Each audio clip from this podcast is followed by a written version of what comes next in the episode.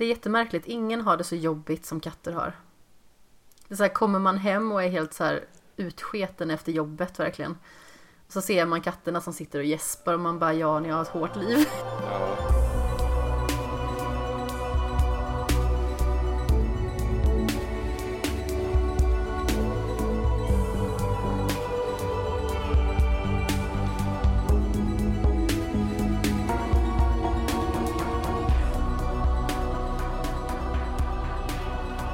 Och hjärtligt välkomna till den 41 episoden av Skämshögen med mig Amanda Sten och med Jimmy Seppele. Hallå. Säger man 41? Det lät jättekonstigt. 40... Jo, Avsnitt 41 är det i alla fall, hur Kan som man säga. haver. det 41 avsnittet. Ja, men det låter jättekonstigt. Ja, det gör det. Något som låter ännu konstigare, det var när jag var liten och min pappa fyllde 40. Då var jag tre år.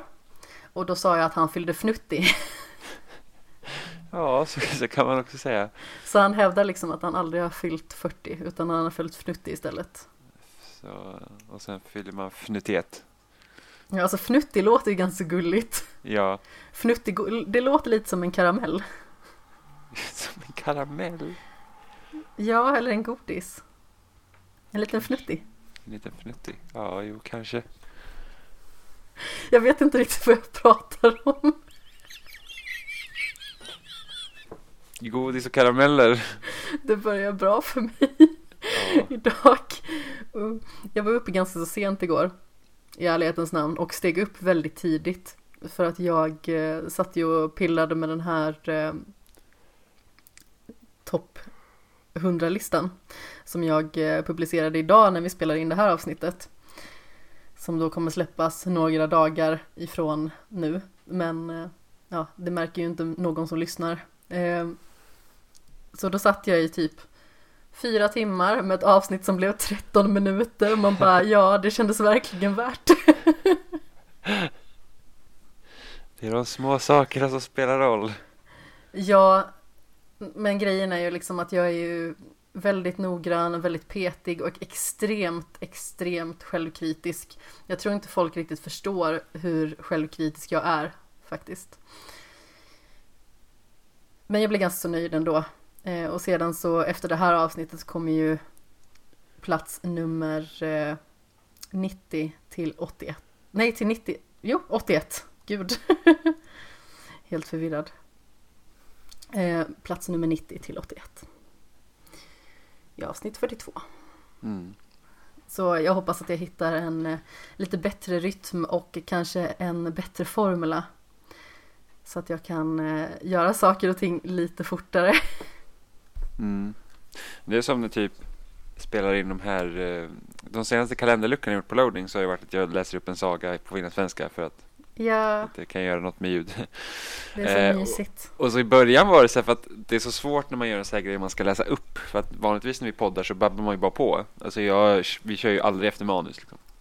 Nej, precis. Eh, och när man skulle läsa upp och så sa man fel. Och var så här, vad gör jag nu? Så, jag, så första gången jag gjorde det så började jag ju helt om. Så jag skulle liksom läsa i ett streck. Utan att göra något misstag. Och sen var, men det här går ju liksom inte. Det är inte rimligt. Så här kan man inte hålla på. Så det blev så att man läste och blev det fel så fick man ju bara hoppa tillbaka en liten bit och läsa om. Och liksom ta Ja. paus och sen får man klippa efterhand. Men första gången var det verkligen så att jag, jag, jag tog om från början. Jag bara shit, här är, liksom, de har liksom läst upp någonting i typ sju minuter och sen så bara det här blir fel. Så bara radera och börja om. Då är det ju bättre att bara radera den biten. Jag vet, då, då läser man så bara okej här blir det fel så tar man kanske två meningar tillbaka eller något, och så, så läser man vidare. Ja, men precis. Och ofta så går det att fixa ganska så lätt så att det inte hörs. Ja, Att gud, man ja. liksom har gjort en klippning där. Det går att maskera ganska så väl. Ja men jag, så nu när jag läser så läser jag sånt där jag liksom kan lägga in Jag läser på ett sånt sätt så att måste man pausa så blir det inte konstigt. Ja, men finlandssvenska är väldigt melodiskt också. Jo, Det är ju liksom inte så ryckigt eller sådär. Nej. Utan och det inte finns ju liksom... heller när man läser på det sättet. Nej men precis. Jag tycker att det är liksom väldigt behagligt att lyssna på finlandssvenska för att det låter, alltså inte bara vänligt utan det låter liksom vad ska man säga, det, det låter väldigt mjukt och följsamt, liksom lite vågigt. Mm. Det är ett väldigt böljande eh, språk eller dialekt. Mm.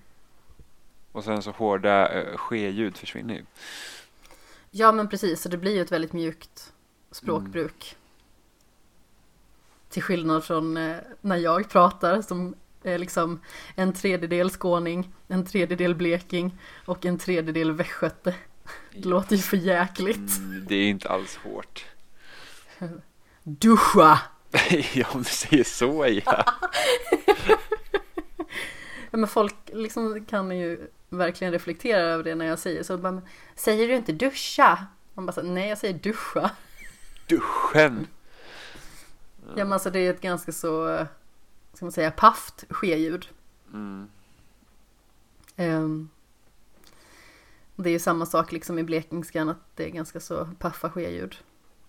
Och dessutom är ju allting som har med R att göra problematiskt. I både skånskan och blek- blekingskan. De problematiska R'n. Ja, de är jätteproblematiska. Faktiskt. Eh, det var ju ganska så roligt. Jag vet inte riktigt om jag har sagt det i podden förut, men jag jobbar ju ute på Backaplan på Nordic Wellness huvudkontor. Och eh, har gjort det i ungefär två år snart. Och eh, sedan i november så jobbar jag enbart på huvudkontoret två dagar i veckan och sen så jobbar jag på ett eget kontor i Allingsås resterande tre dagar. Och eh, på tisdagar så brukar jag ha pass inne i centrala Göteborg, mitt emot Operan. Så då behöver jag ta buss ifrån eh, mitt ordinarie jobb och åka in och då ha den här klassen. Och då satt jag och jobbade väldigt intensivt och helt plötsligt kom jag på att fisk, jag måste gå, jag måste liksom skynda mig till bussen. Så jag kutar ut eh, och springer med liksom en påse i högsta hugg. Eh, det var lite småhalt tror jag och jag liksom sprang lite halvstappligt med kängor på. Och helt plötsligt så springer jag förbi Fredrik Lindström. Oj. Ja. Eh, och hade jag haft liksom lite mer tid så hade jag jättegärna stannat och bara frågat honom vad har jag för dialekt egentligen? För jag kan liksom inte utröna det själv. Det är väldigt många som tror att jag kommer från Halmstad till exempel. Mm. Men eh, det tycker inte jag själv. Som sagt, jag har liksom inte så utpräglad västgötedialekt heller. Eh, Allingsås till exempel har ju ganska så karaktäristisk dialekt egentligen. Eh, och för att inte tala om göteborgskan då, som är bara fem mil bort. Om vi tar våran kära kompis Oliver till exempel, som vi har i spelsnack, han pratar ju väldigt bred göteborgska. Inte så brett. Fast jo, det gör han visst det. nej, det finns ju betydligt värre. Ja, Men det går ju inte att ta miste på vart han kommer ifrån. Ja, nej, nej, så är det ju. Men eh, när jag hörde dig prata första gången också så tänkte jag också att du kom åt det hållet. Va? Ja, Fast du kanske visste vart jag kom ifrån också. inte vad jag minns, men man hör ju att det är i alla fall någonstans Så söderut. det planterat minne. planterat minne, så Inception. Ja, då, så Kanske då, inte riktigt så djupt. Nej, men då... eh, Man hör ju att du kommer från västkusten. Eller att Ja. du bor runt västkusten. Jag är ju härifrån. Ja, Jag har ju aldrig bott i Skåne, jag har aldrig bott i Blekinge till exempel. nej.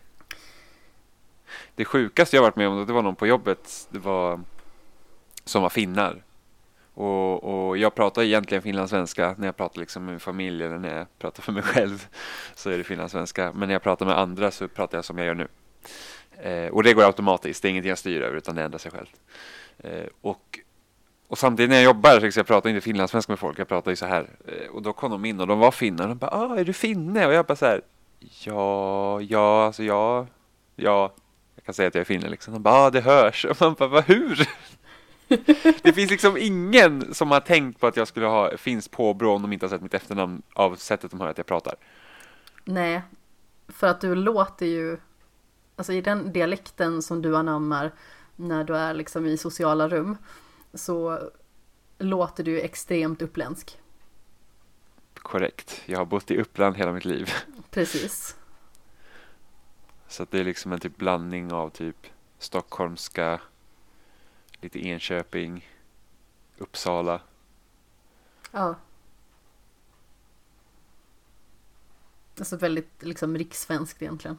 ja, mer åt det hållet. Därför var det så himla konstigt att hon liksom så bara hörde på att du pratade finlandssvenska. Va? Hur? Nej men alltså det är på vissa ord ibland som du säger som man liksom kan notera det. Du säger ju inte kiosk till exempel som jag säger kiosk utan du säger ju mer kiosk. Som, Nej, kiosk. Ja, ungefär. Ja, men kiosk säger jag inte. Ja, men- Kiosk säger jag inte. Nej, men, Det har jag aldrig sagt. du sa nästan det nu fast Ja, med, nu- med nästan. lite mer ske-ljud. Ja, men kiosk säger jag. Ja, och jag säger kiosk. Kiosk. Ja. Kiosk. Jag säger kiosk. Varför får du mig att låta så ociviliserad? Jag vet inte, säger, säger man kiosk så vet du hur civiliserad kan man vara. Det låter som att jag just har kommit ut ur en grotta liksom med Säger- trä på och bara säger- kiosk! Säger du kex eller kex? Jag tror att det beror på vad det är för sorts kex. Vadå för sort? Det finns, det kex är kex. Ja, jag vet. Men eh, det beror på liksom vad det är för sorts kaka då, om man säger så. Ja, men vad, vad, vad är ett kex och vad är ett kex? Vad är ens skillnaden? Jag vet inte, jag kan inte sätta fingret på det just nu, men jag vet att jag säger olika liksom, när det gäller olika typer. Faktiskt. Och jag vet inte riktigt varför, men jag tror att det kanske har lite grann om att göra med att jag inte riktigt har någon så här vettig dialekt att luta mig tillbaka på. Finskan är rätt rolig på det sättet att eh, du uttalar ju bokst- alltså alla bokstäver. Det är inte som i svenskan där vi liksom sätter ihop och så formar vi nya ljud, utan där är det verkligen så att är det ett SK så är det SK. Ja, men Eh, precis. Och Så att återigen, kiosk. kiosk, ja. Ja, där säger du ju i ett. Ja, kiosk. Ja. Inte kiosk. Nej, men jag säger inte så heller. Men jag säger ju som att det liksom är alltså ett tydligt ske-ljud bara och att inte i är med. Medan du uttalar i ett. Ja, Eh, ja, nu är det kanske, alltså säger jag, finnar som flyttar till Sverige, de säger kiosk, alltså med Ja, liksom ett det- hårt K. ja. Så vi hade en bekant, så att hon lärde sig svenska för hon, hon sålde mycket eh, häst mellan Finland och Sverige. Och så hon lärde Ja. sig svenska själv liksom. Och sen typ, hon var väldigt ute på att laga mat också. Men då sa att man skulle liksom ge någon skinka. Och då var det så här, åh skinka. Bara, mm. Fast du säger med ganska mjukt ske-ljud när du pratar finlandssvenska. Ja, men finlandssvenska så är det ju sh-ljud. Ja, precis. Det finns ju inga. Det blir Fast du kommer ju på dig själv. Ja, just, ibland säger jag ju fel. Ibland säger jag ju fel. Alltså även när jag pratar rikssvenska. Då, då, alltså, speciellt när det ska gå fort. då, då kan det bli lite jobbigt. Slinker in ett litet Ja, då, då, så annars ibland, ske-ljud. Ja, och det tycker folk är väldigt roligt. Men det låter ju gulligt. Mhm. Gud vad bestämd jag Så, att, så att ib- ibland blir det fel. Speciellt när man ska blanda med ett hårt och mjukt ske-ljud i, i svenskan. Då kan, då kan det bli att de byter plats. Ja. Men sen så är ju finlandssvenska väldigt rolig på det sättet att man säger ju typ äh, Säger att man har djur. Det säger ju vi som att det är tyst. Är djur, liksom. Ja, precis. Lilla djuret sniff. Mm. Jag, jag tycker det är jättecharmigt. Alltså jag tror inte jag ut, om jag ska säga djur på finlandssvenska tror inte jag säger djur. Utan då skulle jag fortfarande säga djur. Men på finlandssvenska. Jo men vis. det finns nog många ord som du säger. Ja, gud, jag har ju, som en du bety- säger jag har ju, en, jag har ju en försvenskad finlandssvenska. Det, Absolut. Alltså tittar man typ på så här band när jag och min syster var små, då pratar vi betydligt bredare. Men det kan jag tänka mig. Men man pratar oftast mycket bredare när man är liten. Ja, Jag pratade ju typ blekingska när jag var liten. För att man har liksom inga andra influenser att ta ifrån, utan man har ju bara det man har hemma. Ja, exakt. Speciellt som vi som bodde mitt ute i skogen liksom, så det finns inte så mycket annat att hämta. Jag bodde ju också faktiskt mitt ute i skogen, även om man inte kan tro det. Eller man kanske inte riktigt vet om det snarare. Eh, Jag bodde ju på en liten gård typ mitt ute i skogen. Mm. Fram tills jag var sex år. När vi flyttade in till Alingsås. Till civilisationen. det, civila, det civila Alingsås. Ja, metropolen. Vi flyttade ju från vår gård, alltså, å andra sidan. Det känns ju verkligen som en jättemetropol. Ja. Vårgårda låter lite sunkigt. Det är det också. Jag tror att det har blivit bättre. Alltså just centrala Vårgårda är ganska så fint.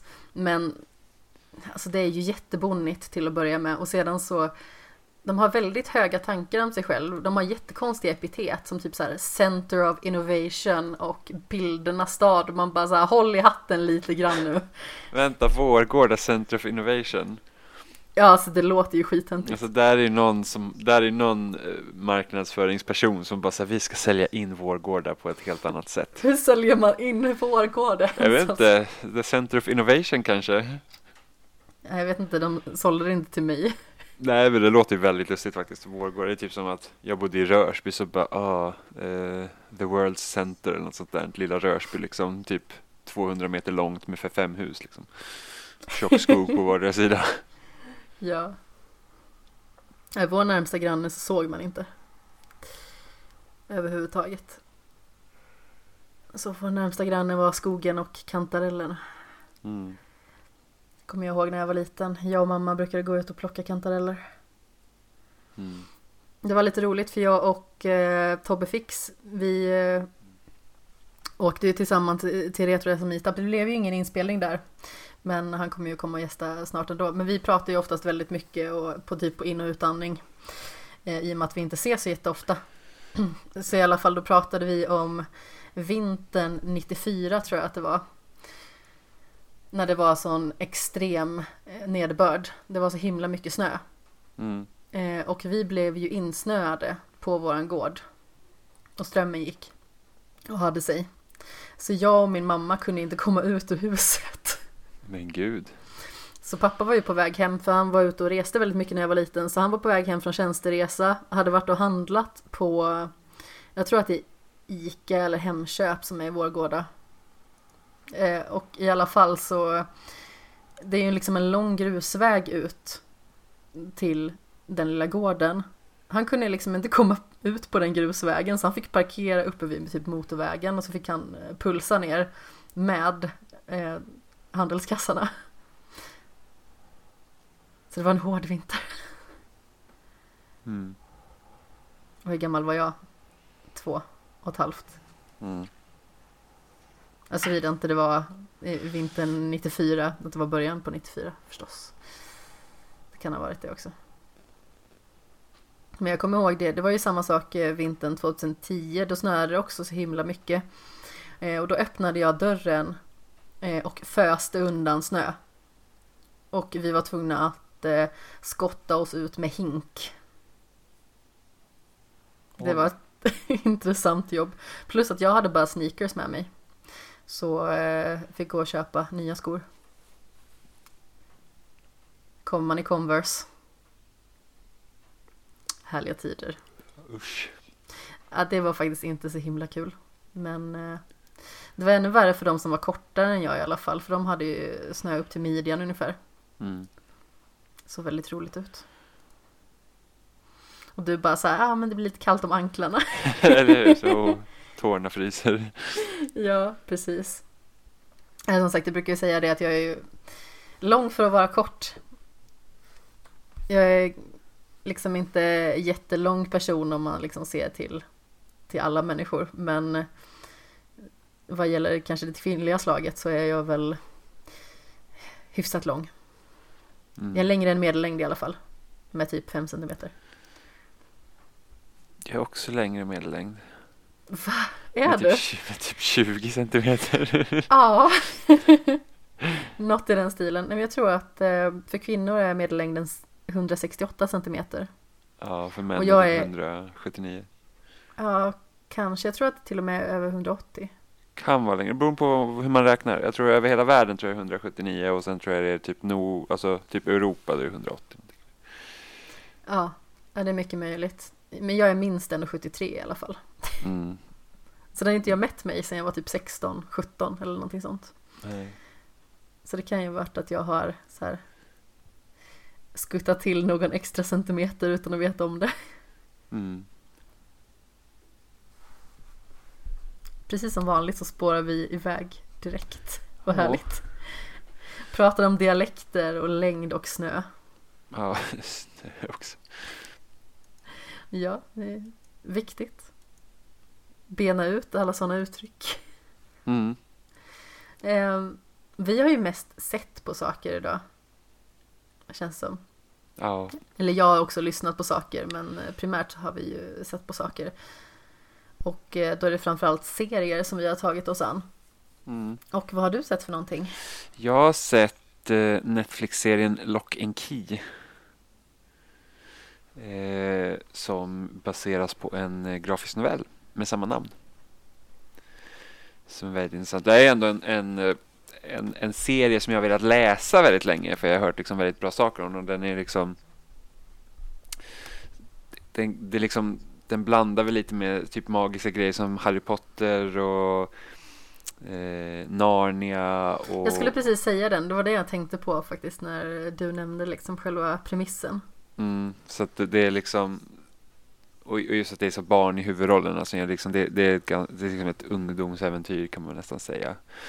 Och Netflix ser, nu har inte jag läst serieböckerna så att jag, jag, jag har bara läst några jämförelser som andra har gjort. Eh, för premissen i serien är ju då att det är en familj som som har familjenamnet Lock eh, som deras pappa har dött.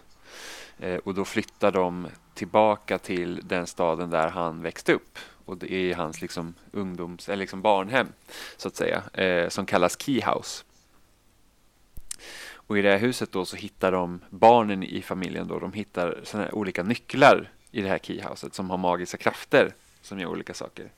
Eh, och sen är det någon form av annan entitet som vill ha åt de här nycklarna och då är liksom det ett hela mysteriet. Det är så att ett, hitta alla nycklarna, veta, veta varför då den här andra typ entiteten vill ha de här nycklarna och sen så nysta i vilken koppling deras pappa haft till både huset och de här nycklarna tidigare. Eh, för att det, är- det är liksom en stor grej av mysteriet. Eh, och så får man se lite, den hoppar lite i tiden, så ibland får man liksom se tillbakablickar och ibland får man se nutid och lite sådana saker. Eh, för grejen är den att pappan dog på ett ganska våldsamt sätt. Det var en av hans elever som, som eh, mördade honom. Oj då. Och, eh, och det liksom hela familjen var liksom hemma när det hände. Så att det var därför de flyttade iväg. Så då är det liksom, då är det tre syskon som primärt det handlar om. Eh, och eh, mamman då. Och sen så det som det som serien gör mer än vad böckerna gjorde, att den, den går liksom lite mer in på den här typ high school-livet. Liksom att det handlar mer om deras, alltså deras relationer liksom i skolan och sånt. Så att det är en väldigt ung, alltså det är en ungdomsserie i det avseendet. Som liksom jämför med typ One Tree Hill eller OC och liksom den typen av serie. Samtidigt som den här liksom magiska grejen ligger där också. Eh, och de jämförelser jag har sett mellan liksom serietidningarna och eh, serien, då är det att serien är mycket, alltså den är inte lika mörk, inte lika skräckbetonad som serietidningarna är. Vilket är lite Ah, synd, att den liksom har gjorts på något sätt snällare. Så att den är den liksom mer åt Stranger Things-hållet också. Det är, liksom, det är den typen av serie. Eh, och den, alltså jag, jag gillar den faktiskt väldigt mycket. Sen hade jag ju kanske föredragit om den också hade varit lite mörkare på sina ställen. Även om det kan bli ganska rått mellan varven. Men att det liksom hade varit Alltså att, att om nu serietidningen liksom är mer åt skräckhållet då hade jag gärna haft, haft att serien också hade varit det. Så att man liksom så att, så att liksom den här den mystiken och den liksom, vad ska man säga, de här nycklarna att de är ju det är liksom starka krafter de leker med som de inte riktigt förstår. Eh, och varje av de här nycklarna de har liksom olika förmågor. Så att du har liksom en nyckel som gör att eh, när du stoppar in den i en dörr så kan du så kan du bara föreställa dig vart vart du vill hamna och sen så öppnar du dörren dit så länge det finns en dörr på andra sidan. Så att till exempel jag skulle kunna stoppa en nyckel i min dörr och sen så, ja men jag vill stiga ut typ på centralstationen i Stockholm från toaletten liksom. Då ska jag bara öppna och så ska jag kliva ut där med nyckeln. Eh, sen finns det en, eh, en annan nyckel till exempel som man, som man stoppar in i huvudet på en själv. Och så kan man liksom gå in i sitt eget huvud så att säga. Eh, så att, så att det, liksom, det, det finns ganska kreativa sätt de leker med de här olika nycklarna. Eh, och det blir väldigt spännande liksom, när man kan säga att oh, de hittar en till nyckel, vad gör den? Liksom. Eh, jag tyckte den var väldigt bra. Eh, men som sagt, gärna att den hade liksom kanske fått hålla sig lite mer åt den mörka sidan. Eh, den yngsta barnet i serien spelas av eh, Georgie, eller han som spelade Georgie i It. Eh, Ja, och, i- okej. och av någon anledning så har de gjort att varje gång han yttrar sig eller pratar så liksom är han ganska gäll och högljudd vilket gör att det blir väldigt störigt. Eh, precis, och det var liksom så här, åh gud, ja, liksom, det är nästan att man orkar liksom inte höra. Eh, men de som spelar hans stora syster och storebror, de, de är jättebra. Eh, så det är ingen Okej. fara. Och sen killen som spelar eleven som mördar deras pappa är också jättebra. eh, för att han är liksom jag tror också att hans del i serietidningen var lite mörkare men den är även ganska liksom den är ganska störd här också, liksom, det är en ganska tragisk person. Eh, och jag vill inte spoila egentligen så mycket och säga vad som händer som serien är ganska ny, den kom väl ut i början av februari. Eh, men det jag tänkte på att han hade kunnat vara jättebra och spela en av huvudrollerna i Akira som jag också vet ska filmatiseras av Netflix om jag inte har helt fel. Okej. Eh, och Akira är ju en manga och anime tror jag. Eh, där eh, ja, men typ världen på något sätt har typ gått under och sen så finns det eh, sådana här typ barn med telepatiska krafter eh, och så följer man då ett motorcykelgäng där den ena någonting händer så att han liksom börjar bli alltså han blir liksom får någon mental sjukdom vilket gör att han liksom börjar bli våldsam och liksom farlig. Och sen får han även så här krafter han också på grund av något experiment eller någonting sånt. Jag vet inte, på något sätt, han killen som spelar mördaren i den här eh, serien hade kunnat spela honom jättebra. Nu vet inte jag om de kommer casta så eller hur, hur det ser ut, men, men det var bara liksom en tanke som slog mig att han, för att han har utseendet också. Eh, så ganska kul. Men, eh, men om man är liksom sugen på något mer så här typ Narnia liknande, lite så här lite magimys skulle jag nästan kalla det. Då ska man nog kolla på Lock and Key och sen Mysteriet då. Eh, om man är förtjust i det för att det är den, den, den, är, den är välgjord och den är också välspelad. Tycker jag. Jag vet inte, det, det är någonting också med när ett hus står i centrum och liksom en familj precis flyttat in i ett hus och de utforskar huset tillsammans nästan. Det, det är alltid spännande tycker jag.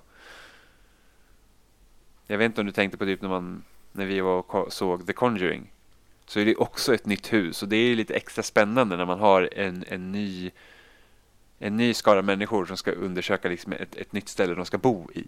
Ja men precis. Jag håller med, absolut. Och sen har jag alltid varit så här förtjust i man ska bygga ett hus, ska man ha lönngångar och det finns hemliga rum och du har vinden och det är källaren och massa sådana saker. Eh, så det tycker jag alltså också är jättespännande. Ja men det är ju det. Alltså, man skulle ju nästan vilja ha typ en lönndörr i sitt hus. Mm.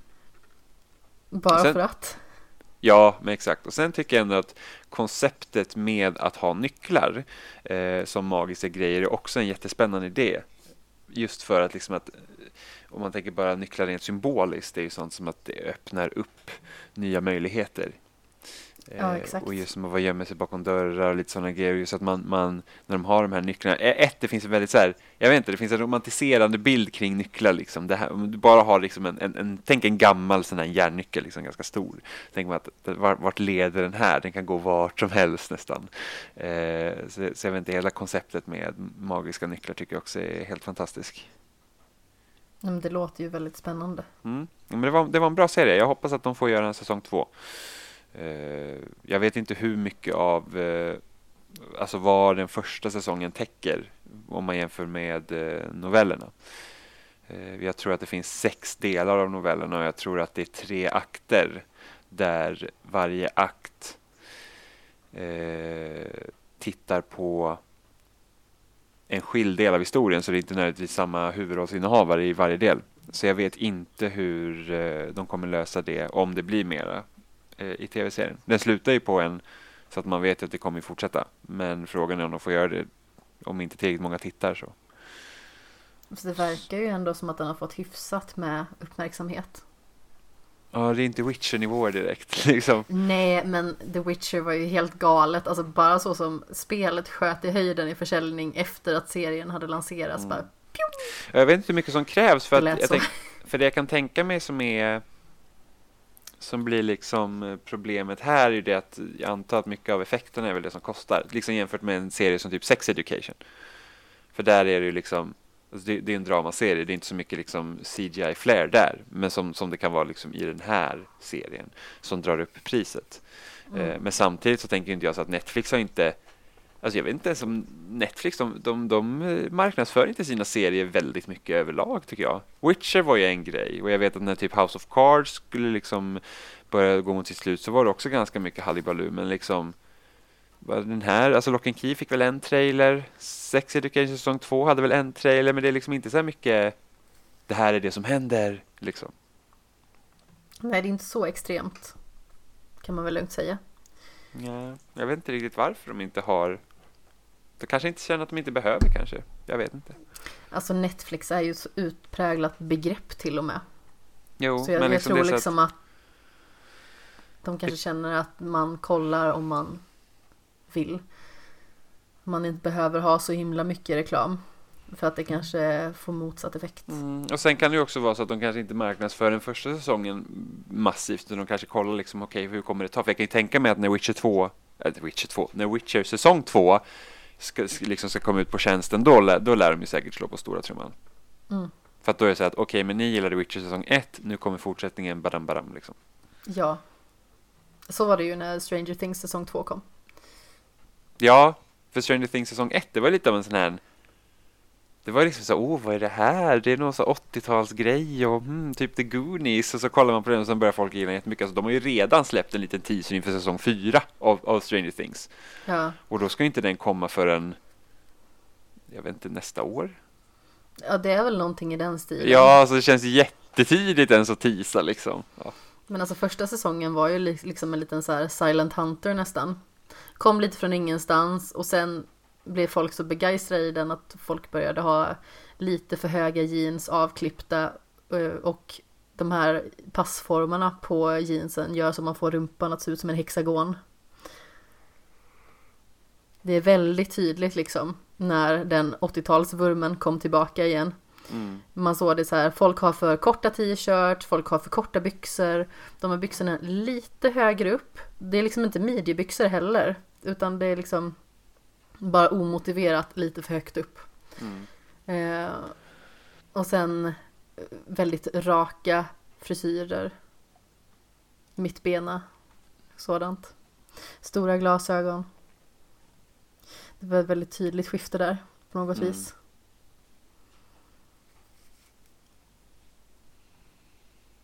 Har vi något mer att säga om Lock and Key? Jag har ju ingenting att säga naturligtvis på grund av anledningar. Nej, jag tror att jag är ganska nöjd där. Jag tycker att alltså, vill man ha något lite mer så här typ, gillar man ungdomsdrama och man vill ha något liksom lite så här med magi i sig, lite sånt mysterium, så tycker jag absolut att man kan se på den. Alltså det är åtta, nej tio avsnitt är det. Ja, Och eh, jag tyckte det var ganska lagom. Jag kände inte att den, så många liksom andra Netflix-serier när det var så här 13 avsnitt och sånt. Speciellt Marvel-serierna från Netflix kändes ju alltid som att de pågick i typ 4-5 avsnitt för länge. För det var så att du, de var ju ofta uppdelade i två, så du hade liksom den första uppgörelsen så kom ju typ någon gång vid avsnitt 6 och sen så var det typ dvala där i mitten och sen så hade man nästa klimax liksom mot slutet. Istället för att bara ha en, en del av berättelsen i en säsong istället för att försöka bocka in två.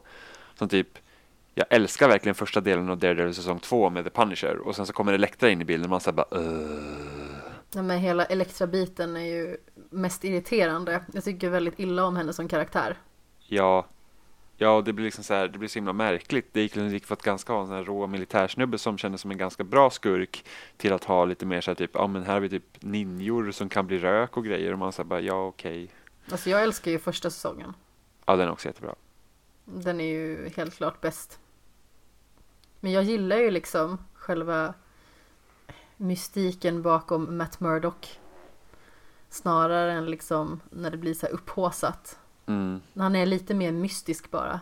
Än när han faktiskt är liksom en fullt utpräglad, vad ska man säga, superhjälte. Mm. Men jag gillar när man liksom försöker tänka om med superhjälten också, att de inte alltid har de här högteknologiska grejerna. Så det var ju så kul med Daredevil liksom första säsongen, för att han hade ju, han gick runt i liksom svarta, typ svarta Typ ett mjukisbyxor. underställ. Ja, men precis, ett, ett svart underställ och sen liksom en typ ögonbindel.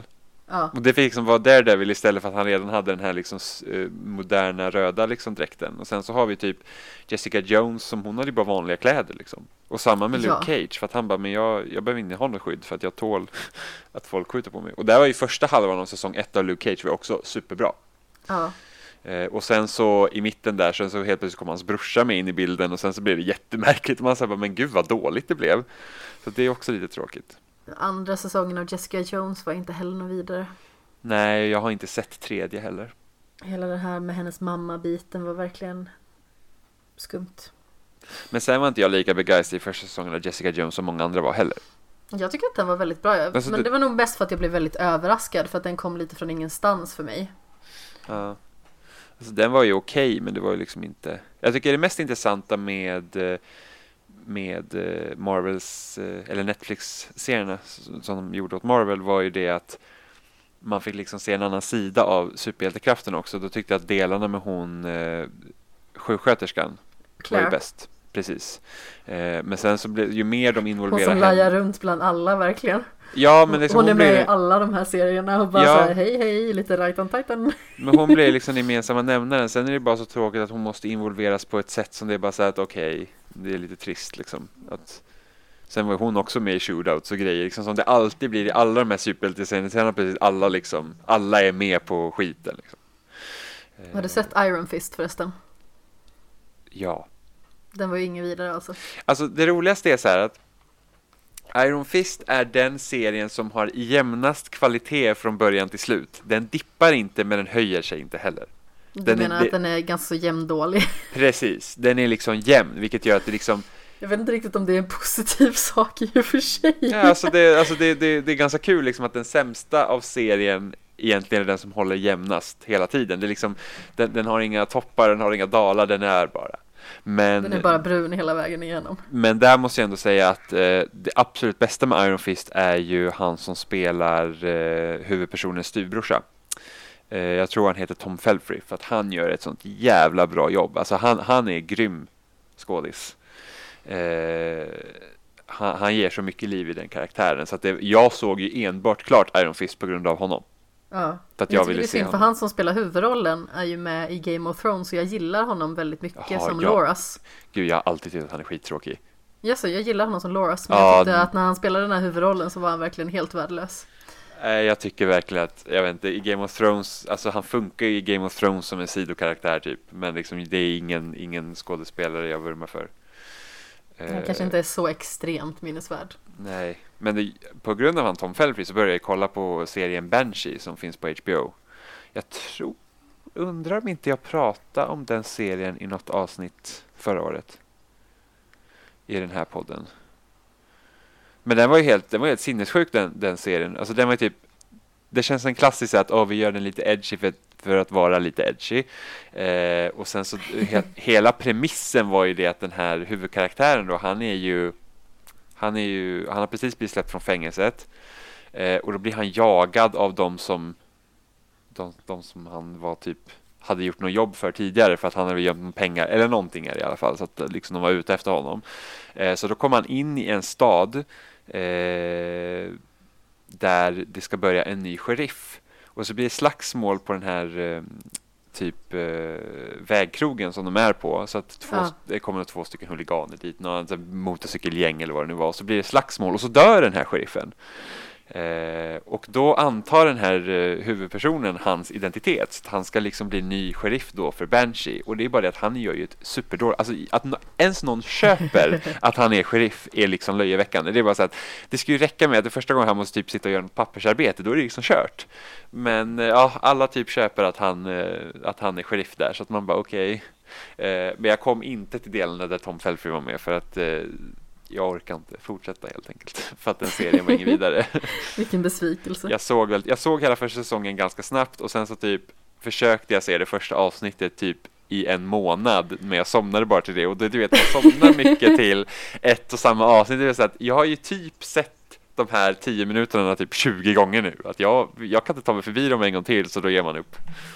Det här är lite som när jag hade jättemycket problem med min sömnparalys för typ två år sedan. Eller jag hade inte problem med själva sömnparalysen i sig utan det var ju att jag hade lyssnat på ett, eh, avsnitt som skulle prata om det men det var mest typ skräckhistorier. Så jag fick jättesvårt att sova. Och sov jättefå timmar på flera nätter i rad.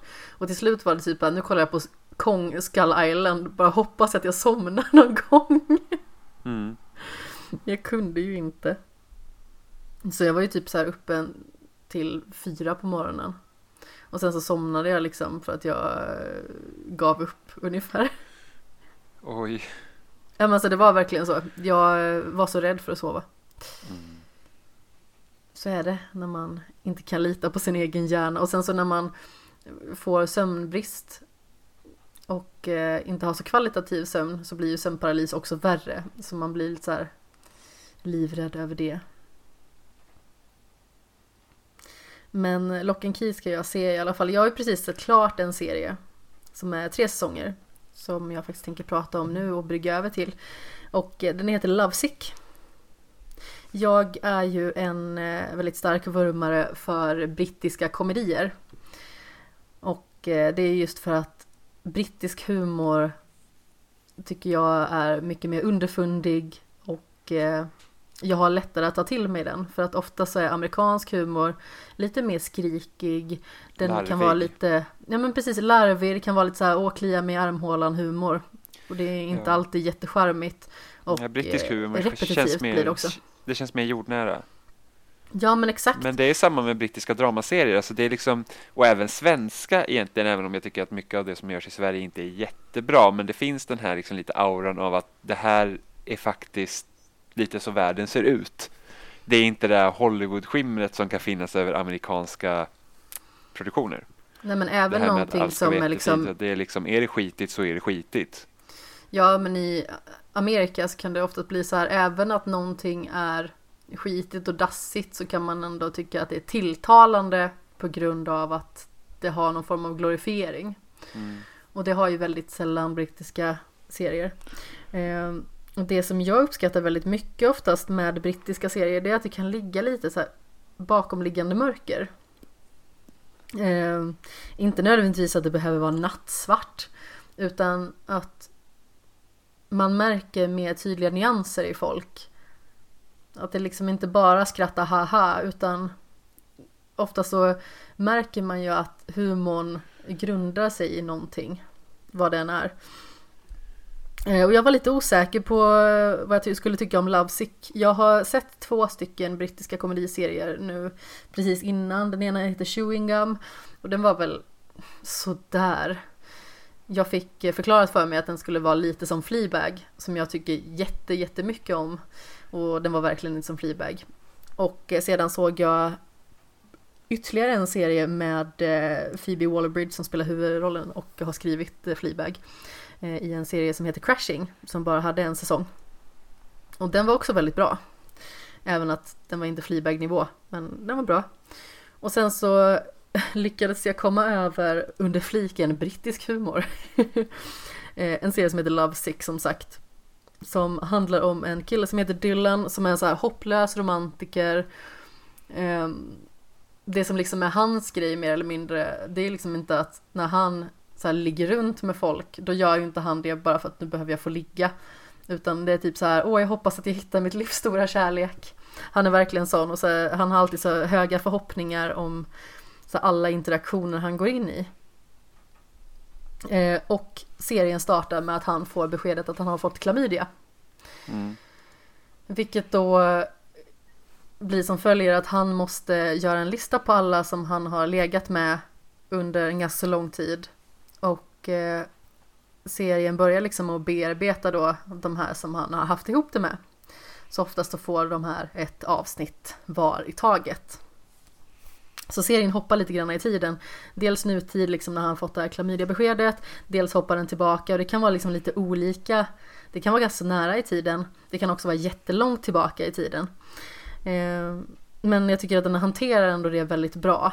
Eh, just för att de till skillnad från typ Little Women som vi pratade om för ett tag sedan som var väldigt förvirrande när den hoppar i tiden så gör de det väldigt bra i Lovesick med att man, man ser att karaktärerna är i andra stadier i livet. Man märker liksom att de har en annan aura, att de eh, har kanske typ en annan frisyr eller någonting sånt. Det är många saker som är annorlunda. Eh, andra beteenden och sånt. Typ att de verkligen är mer juvenila när de är yngre. Så att de liksom inte är samma karaktär hela tiden. Mm. Eh, men han i alla fall, han, eh, han bor med två stycken kompisar. Den ena som då är Ivy och den andra som är Luke. Och de två är liksom eh, bästisar sedan tidigare och Dylan är kär i Ivy. Och de är kära i varandra om vartannat. Men de har aldrig liksom perfekt timing. Eh, första gången de träffades så låg de med varandra. Och eh, han naturligtvis eh, blev lite så här, åh, ska du inte stanna? Ska vi inte äta frukost? Och hon bara, nej, jag ska härifrån nu. Eh, och sedan när hon får eh, problem med ekonomi så flyttar hon in och bor med Dylan och Luke. Eller om det är att Dylan flyttar in med Ivy och Luke kanske. Skitsamma, det är lite luddigt där. Eh, de tre bor ihop i alla fall och de har även en fjärde kompis som heter Angus. Som också har lite problematik för han är gift med en väldigt dominant kvinna. Och eh, när de skiljer sig så får de bo på han får bo på deras soffa helt enkelt. Mm. Så de här fyra är väldigt centrala, även att Dylan liksom är mer huvudkaraktär. Eh, och till en början var jag så här, ja men det här är väl lite småputtrig serie. Den är väl ganska mysig att kolla på, det är ganska trevligt att kolla på när jag sitter och äter eller någonting sånt. Det, jag tycker det är väldigt komfortabelt att ha en serie som jag kan gå till när jag typ, ja men, jag kommer hem på eftermiddagen och ska typ ta en liten lur. Då kan jag slå på den här serien och somna till. Eller jag har just lagat mat, jag orkar inte vara så jätteinvesterad i det jag kollar på, så kollar jag på det här. Ehm, men ju mer man kollar, desto mer gillar man karaktärerna verkligen. Och jag tycker att serien växer på en väldigt mycket. Och eh, den bearbetar liksom väldigt många olika ämnen och ganska så sorgliga saker också. Så jag tycker att eh, den bör man faktiskt se ifall man gillar alltså dels brittisk humor och liksom även sånt där. Det känns realistiskt. Det känns liksom som att men det här vän, vängänget eh, de håller ihop och alltså, de tycker inte alltid likadant men de står liksom på varandras sida. Jag tycker att det kan bli så himla dramatiskt i många serier, typ alltså Åh, kära någon, nu tycker inte vi likadant och så handen mot pannan och så blir de liksom så här ovänner och ska typ storma ut. Jag hatar sånt verkligen. Mm. Utan jag föredrar liksom när det kan vara så okej okay, vi tycker inte samma här men vi kan fortfarande liksom vara okej okay med det. Mm. När det liksom blir lite mer humant och inte så dramatiskt eller så melodramatiskt nästan. Um, utan jag gillar verkligen när det känns jordnära och även att den här serien har ju en lite så här småskruvad premiss. Så eh, tycker jag att den har väldigt många fina stunder. Och eh, Johnny Flynn som spelar eh, Dylan, alltså han är väl inte världens mest, vad ska man säga, han kanske inte är den mest tilltalande karaktären egentligen. Han är lite släpig och lite så här småromantisk av sig.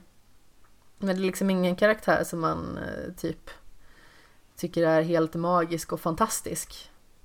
Och han gör mycket misstag. Och det är också liksom så här en eh, genomgående grej i den här serien att de gör misstag allihop. Jag menar eh, den här kompisen Luke han blir kär i eh, kompisens flickvän och eh, sedan kan han aldrig bli ihop med den här flickvännen efteråt efter att de har gjort slut liksom. På grund av vissa anledningar som jag inte tänker ta upp. För det blir lite mycket spoiler.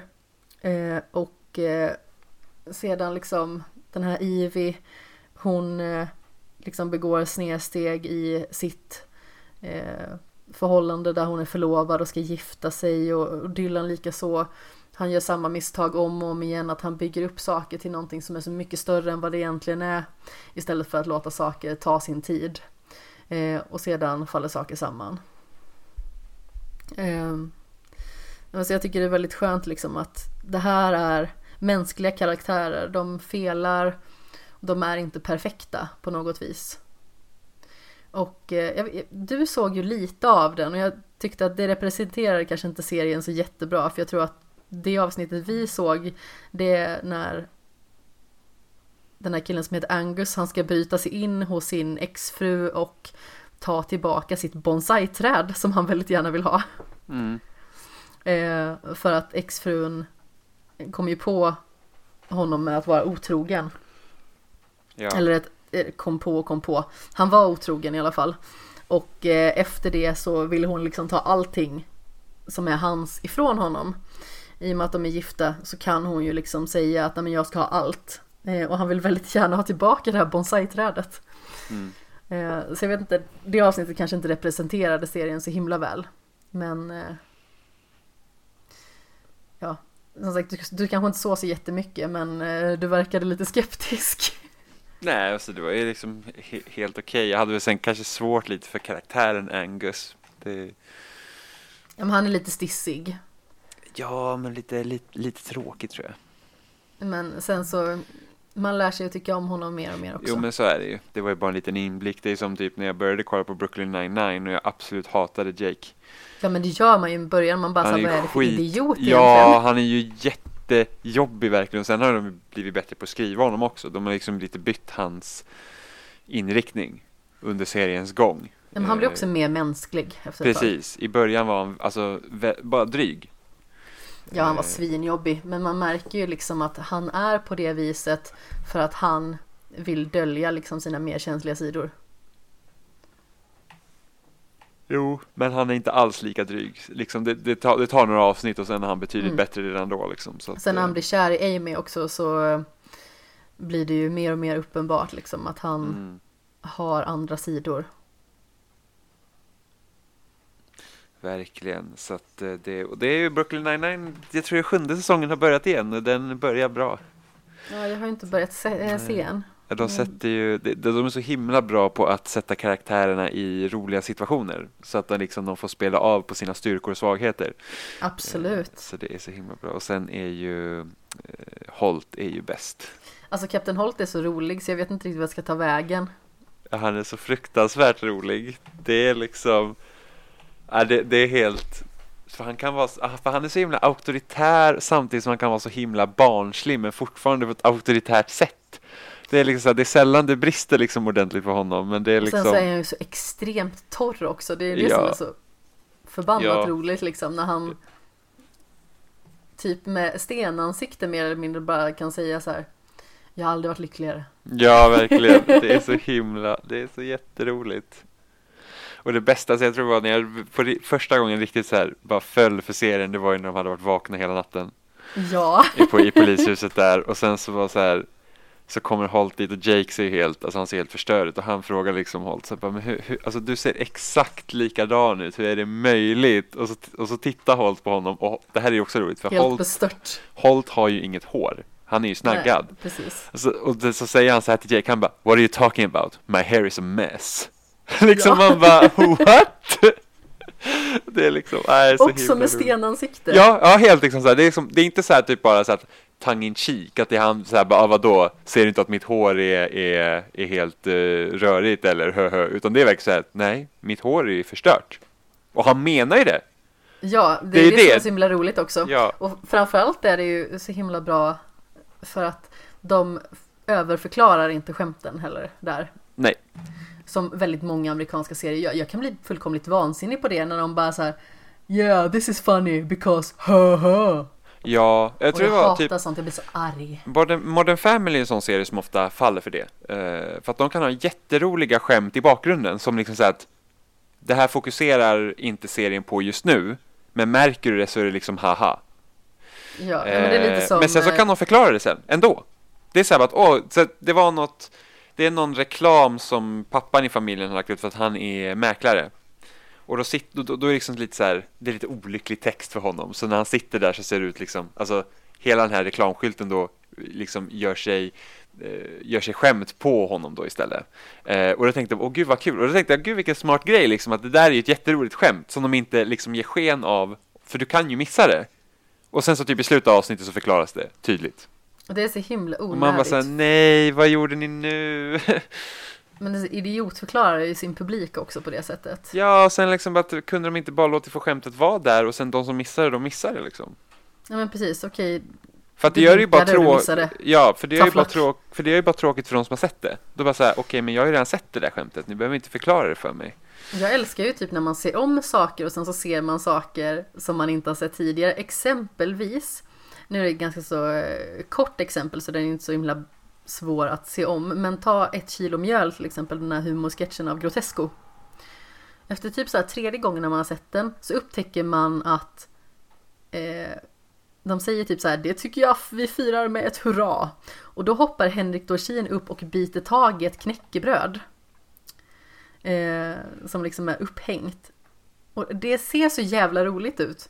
Men första gången så tror jag inte man tänker på det och inte andra gången heller utan det var typ så här tredje gången jag bara upptäcker att han hoppar upp och bara biter tag i knäckebrödet. Ja, Det är jätteroligt.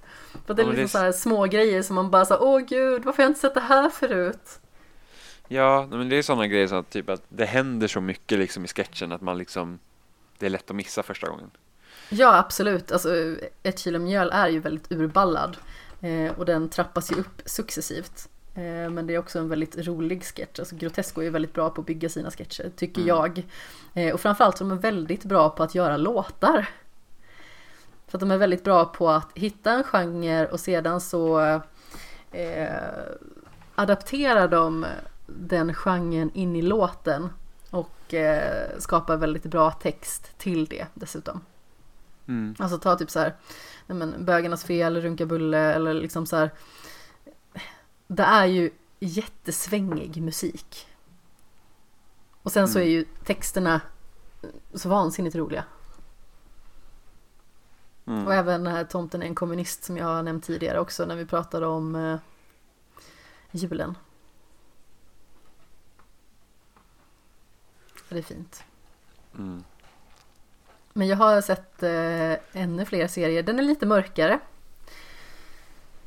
Önskar att den ibland kunde vara lite mer brittisk. Eh, det är en kanadensisk serie som eh, heter Mary Kills People. Och då tänker man genast så här bara, oh det är någon kvinnlig mördare, så här lönnmördare. Men det är det inte. Inte på det sättet som man tror i alla fall, utan det handlar om en kvinna som heter Mary och eh, hon och hennes eh, kollega samt vän Desmond, de ger folk dödshjälp. Mm. Så det går helt enkelt ut på att eh, de två eh, tar kontakt med folk som är riktigt sjuka, alltså liksom i sista stadiet i livet i stort sett. Eh, folk som liksom känner att de har i stort sett ingen utväg. De vill liksom gå ur det här livet med, alltså när de fortfarande är lite mer på topp, liksom när de inte är i ett sådant stadie att de liksom inte kan röra sig eller inte kan prata eller sådär, utan de vill liksom mer ha sin värdighet i behåll. De vill liksom känna sig mänskliga fortfarande när de lämnar den här världen. Mm. Så då kommer de på hembesök. De har eh, med sig en drog som heter pentobarbital tror jag. Vilket i överdos är liksom en dödlig injektion egentligen. Fast de gör ju det på det viset att de ser ju till att personerna tar sitt eget liv med deras hjälp. Så de Mm. har liksom med sig champagneglas till exempel. Eller dylikt så häller de upp champagne och sedan så sprutar de i eh, den här drogen. Och i början eh, så filmar de även eh, de här karaktärerna som vill ta sitt eget liv. För att de är väldigt sjuka. Där de liksom får säga att jag heter X och jag väljer att ta mitt eget liv. Bara för att de liksom ska vara mer fria om ryggen. Men eh, lagens långa arm är ju eh, de hack i häl och eh, börjar undersöka de här mystiska döds dödsfallen som eh, sker. Mary jobbar ju på ett sjukhus också. Så hon har ju ett väldigt hektiskt liv. Hon har också två stycken döttrar och är frånskild. Så hon har ju ett väldigt stitsigt liv helt enkelt. Och eh, dessutom så eh, är det en polis som eh, jobbar undercover och eh, ska försöka sätta dit henne. Och eh, de eh, har liksom lite kuckelur för sig. dessutom. Eh, har lite svårt att eh, hålla sig ifrån varandra och sådär. Och Mm. det är han som, jag kommer inte ihåg vad han heter den här skådespelaren, men han spelade den manliga huvudrollen i Beauty and the Beast. Den här serien, den här serien om den man som blir helt galen. Eh, och våldsam. Eh, och hon som spelar eh, oh, Lana Lang i Smallville spelar också huvudrollen. Mm. Um, nej men som sagt, jag tycker att den är, den är väldigt bra på det sättet att den gör en lite mer unik grej. Det är liksom inte vilken thriller som helst. Utan den har ju liksom ett budskap också med sig. Och sen så är det ju en så extremt komplicerad fråga allt det här med liksom assisterat självmord eller eh, dylikt för man man förstår ju båda sidorna på något vis. Liksom att eh, att ta någons annan, någon annans liv det känns ju liksom inte försvarbart. Men samtidigt så är det ju folk som inte vill leva längre för att de kanske är i sista stadiet av cancer till exempel och aldrig kommer bli friska. Ehm, eller för den delen liksom ha någon annan dödlig sjukdom. Så det är ju liksom väldigt tungt moraliskt om man säger så. Men jag tycker Mm. en sak faktiskt var eh, väldigt fin, bara som jag noterade. Och det var att eh, hon, den här huvudkaraktären, säger att eh, döden ger livet en mening. Och det tyckte jag faktiskt var väldigt tänkvärt. Mm. Eh, och det innebär ju liksom att eh, döden gör liksom livet meningsfullt för att döden betyder att livet faktiskt tar slut. Vi har en begränsad tid. Och eh, vi behöver liksom göra det bästa vi kan med den tiden som vi har. Mm. Jag tyckte det var ganska fint faktiskt. Mm. Det blir det, menar- allt måste ju ha en motpol. Eller allt har ofta en motpol. Ja men exakt. Och jag menar livet hade ju liksom inte varit lika värdefullt om vi skulle leva för alltid. Det skulle ju bli tristess. Det skulle ju bli repetitivt. Ehm, Ja, det beror på hur... Det beror faktiskt på hur, hur, hur hade det format samhället om, om vi hade liksom alltid överlevt. Om vi säger att vi hade bara kunnat dö. Fast det är på vad hade liksom, är det så att vi kan inte dö av ålder, men hade fortfarande sjukdomar och sånt varit lika? För då finns ju alltid den risken. ja, sant. Mm, Det beror på naturligtvis. Hur långt ska experimentet gå? Ja men exakt, ta vampyrer liksom. De kan ju leva för alltid. Ehm, men de kan ju dö genom att bli... eh, eh, Åh herregud, varför kan jag inte hitta ord? Genom att bli penetrerade med en påle till exempel. Ja, Vad fnissar du åt? Det Du lät fnissade roligt. när jag sa penetrerad. ja för att det lät roligt. De dör när de har sex. Ja, Med en påle. Nej, aj! Usch. Ja. Ja, de dör av solljus också naturligtvis. Då blir de Mm. bacon. Mer eller mindre. Nej men som sagt, jag tycker att serien har en väldigt intressant premiss. Och eh, den spelar liksom i områden som man kanske inte har utforskat så jättemycket. Tycker inte jag i alla fall. Så därför är den väldigt intressant att se. Sen så ibland så tycker jag det kan bli lite så här amerikanskt. Om man säger så, liksom så här lite typiskt amerikanskt på det dramatiska viset. Mm. Åh nej, nu blir vi ovänner här, nu måste jag storma ut. Ungefär sånt. Eh, men det är inte så jätte, jättemycket och det finns liksom en eh, hyfsad dos med humor också. Eh, som framförallt kommer från den här britten, Desmond. Det är inte så att det på något vis förtar resten av upplevelsen. Men eh, det är skönt att det bryter av med det i alla fall. Så att det liksom inte bara är mörker och ond bråd död. Jo, men må, ofta är det så att när sådana serier som är lite av det sorgsnare slaget, det brukar alltid finnas någon form av ljuspunkt i den också så att det inte bara är ond, bråd död. Ja men exakt så det är liksom inte bara är en tunnel konstant. Mm. Det är lite jobbigt läge då. Så även om jag kan för, vissa, filmer har man ju sett som verkligen bara är nattsvarta liksom. Alltså jag föredrar ju när saker är natt- nattsvarta framför när de är liksom helt ljusa jämt. Mm. Jag är ju inte en eh, jättepositivt inställd person till romantiska komedier till exempel. Nej, men ibland finns det läge att titta på något sånt också. Man bara, jag behöver bara må bra. Ja, jo men absolut, det finns ju romantiska komedier som fungerar.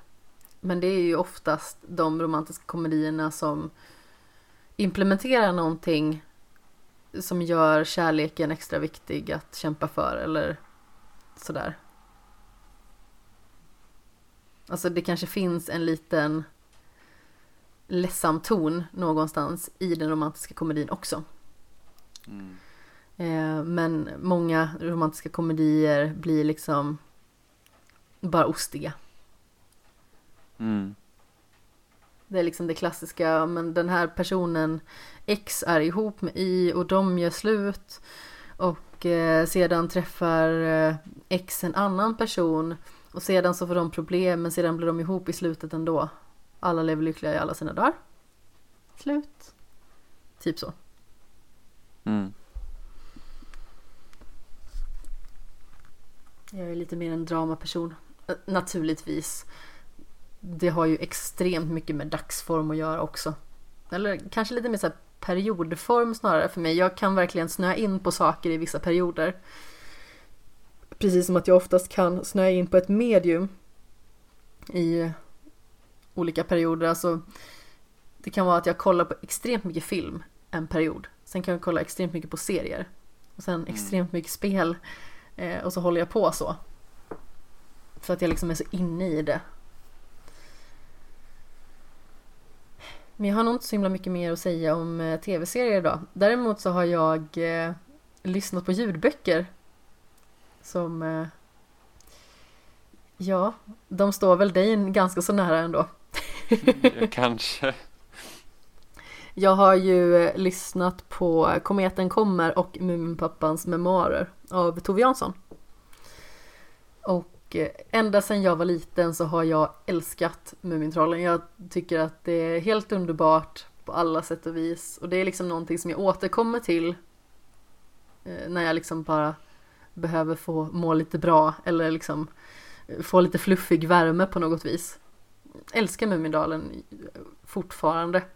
Och jag vet typ när jag är sjuk till exempel, nu händer det väldigt sällan, men då kollar jag jättegärna på Mumin för att jag får liksom någon form av omhändertagande känsla, typ som när man var liten och man var sjuk och typ ens mamma tog hand om en eller ens pappa eh, när man var sjuk och så kanske man fick lite soppa och, och sådär. Mm. Eh, det sitter fortfarande kvar hos mig. Så jag minns liksom, eh, det var för några år sedan, det är ganska länge sedan nu i och med att jag sällan är sjuk. Men då var jag verkligen riktigt, riktigt risig. Och jag plöjde alla Muminfilmer under den sjukdomsperioden. Mm. Bara för att jag liksom bara så, jag behöver få det här fluffet nu. Och det har ju liksom med också na- naturligtvis nostalgi att göra. Plus att i och med att jag har sett det 71 gånger innan som barn så gör det ju ingenting om man i feberyran typ råkar somna in en liten stund. Mm. Vilket är skönt. Men som sagt, det är lite trygghet och bekvämlighet och Kometen kommer är nog faktiskt eh, min favoritfilm. Sedan jag var barn. Jaså? Jag tycker hela den resan är så himla intressant. Det är ett så himla kul äventyr på något vis. För att jag älskar ju rymden till att börja med. Mm. Och det handlar ju om att Mumin och Sniff ska gå till ett observatorium som ligger högt uppe på ett berg. Mm. Och eh, det med anledning av att det börjar ske lite mystiska saker i Mumindalen. Det börjar regna sot. Och eh, sedan så kommer liksom en eh, filosof som heter Bisamrottan som är väldigt mörk i sinnet och ganska så bister och sådär.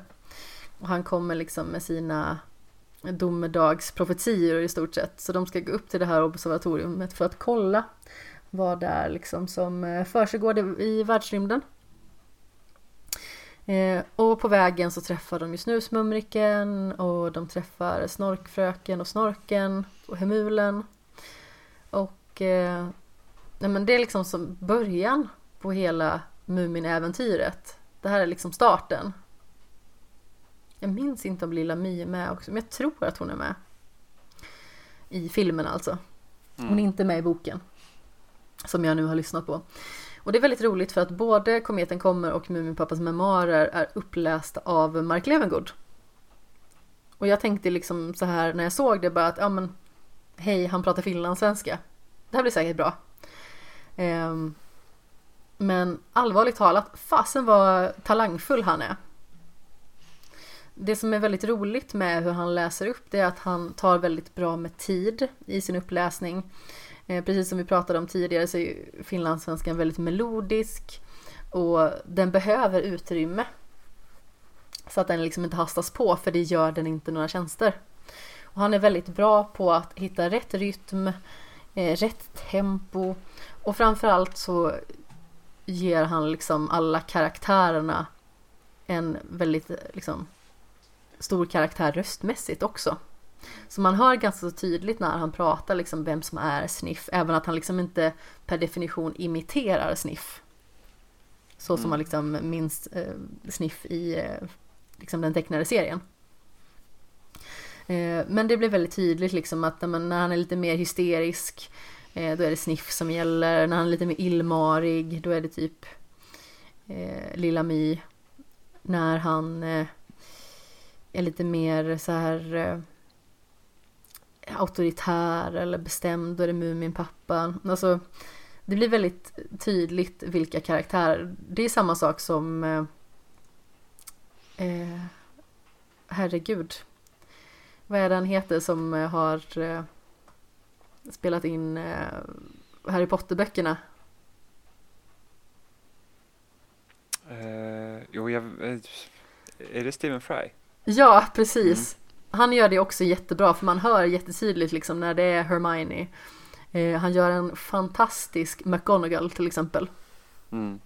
Ehm, så jag tycker att det är verkligen till ljudbokens fördel för att man sitter typ så här fånler hela tiden för att det är så himla mysigt att lyssna på.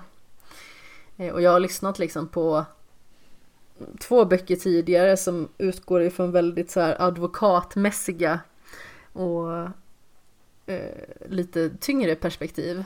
Så det är väldigt skönt att bryta av med Mumindalen och dess värme. Eh, men som sagt, eh, kometen kommer, det handlar ju om liksom, vad det låter som. De upptäcker att det är en komet som är på väg att träffa jorden. Mm. Och de måste liksom skynda sig hem för att eh, hinna ta skydd innan den här kometen slår ner. Och eh, Muminpappans memoarer är också precis vad det låter som. Och det är ju helt enkelt att eh, under en period när Muminpappan är eh, jätteförkyld och ynklig så behöver han liksom sysselsätta sig med någonting och då börjar han skriva på sina memoarer om hans stormiga ungdom. Som Mm. liksom eh, bearbetar hur han hade det som eh, barnhemsbarn. Hur han träffade sina barndomsvänner. ehm, allting om eh, havsorkestern, alltså den här båten. Hur han träffade Muminmamman slutligen och allt det där emellan.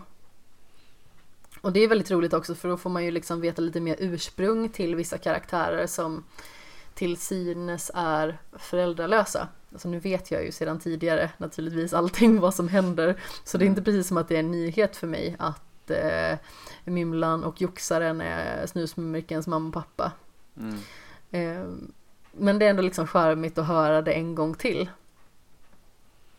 Och återigen, alltså det är en grej som är så otroligt rolig för att den här Mymlan har ju jättemånga barn. Bland annat eh, Mymlans dotter och eh, även Lilla My då sedan. Och eh, Mymlans dotter som liksom är som den versionens Lilla My. Man märker liksom eh, hur lika de karaktärerna i Muminpappans ungdom är. Till exempel Sniff då som har rådjuret som pappa och Snusmumriken som har joxaren som pappa. Mm. Och eh, då är det i alla fall ett meningsutbyte som jag tyckte var så himla charmigt och då säger eh, Mymlan någonting i stil med till eh, Mymlans dotter då att Åh, har du träffat dina nya syskon? Och eh, då svarar Mymlan Ja men snälla mamma, har du skaffat nya nu igen? och jag tycker det är så himla roligt liksom bara så att de ploppar upp som krokusar låter det som att de bara såhär, Åh, oh, där kom en till. Mm. De har väl typ så här 32 syskon, Mymlan och eh, Lilla My eller Åh, någonting. Gud! Alltså, någon har ju legat i. Ja, jag vet inte, jag tror att det är Ja men någonting i den stilen. Det är över 30 i alla fall. Jo, någon och sen så är ju Lilla My och Snusmumriken och Mymlan halvsyskon.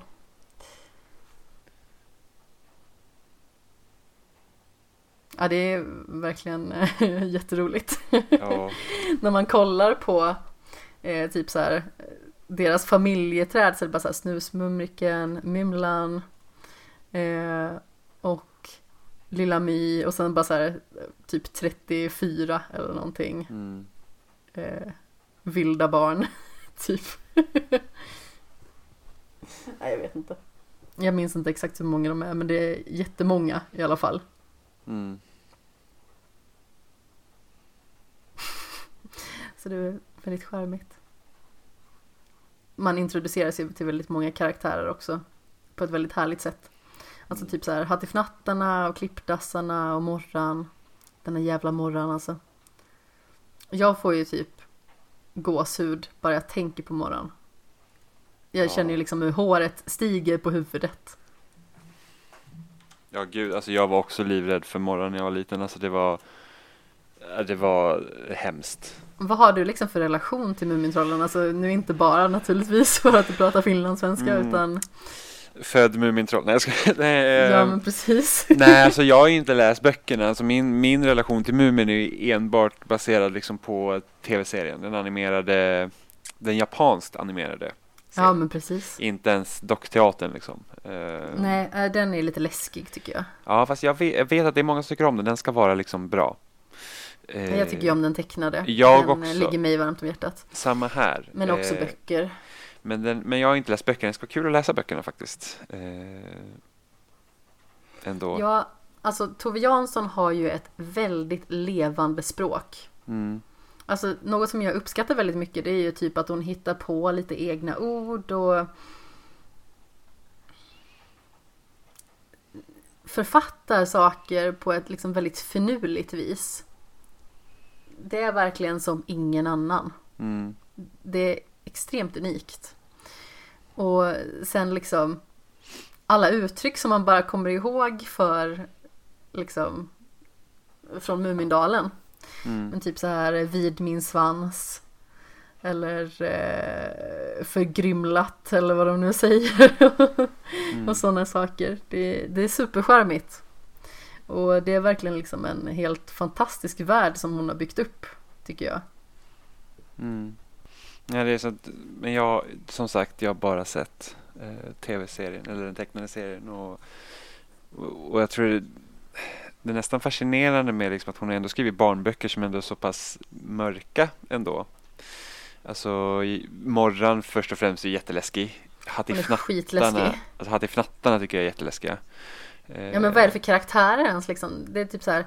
De eh, bara svävar omkring utan något form av mål och försöker komma till horisonten ungefär. Mm, och sen så har de, och sen har de sina ganska mörka historier också. Så jag kommer ihåg hon, eh, Det osynliga barnet till exempel är ju, Ja, är ju väldigt hemskt. Liksom, varför är hon osynlig? Så att hon tar ju, alltså det, hon rör ju vid ganska mörka teman ja. hela tiden. det skulle vara kul att läsa alla böckerna faktiskt. Ja, alltså jag skulle tycka att det var jättekul att kolla om den tecknade serien också. Det ska vi göra. Ska vi? Jag tror att allt finns på Youtube nämligen. Ja, det gör det. Det var där jag kollade. Mm, så då får vi kolla igenom allt. Jag har inte sett alla avsnitt tror jag. Åh, det är så himla roligt. En som jag tycker om väldigt mycket det är ju när eh, de får en ny kompis som heter Alissa. Mm. Och eh, hon är eh, dotterdotter till en häxa som bor ute i skogen. Och eh, då är det, jag tror att den heter Dunder och brak i Mumindalen eller någonting sånt. Mm. Och då är det ju helt enkelt att det är någon som står och testar fyrverkerier. Och då säger ju häxan sådär, för de försöker liksom anklaga henne bara, det är du som låter så hemskt om nätterna. Hon bara liksom så här blir jättestött och bara, hade det varit jag så hade det blivit en ordentlig smäll och inte någon ynklig kamelfis.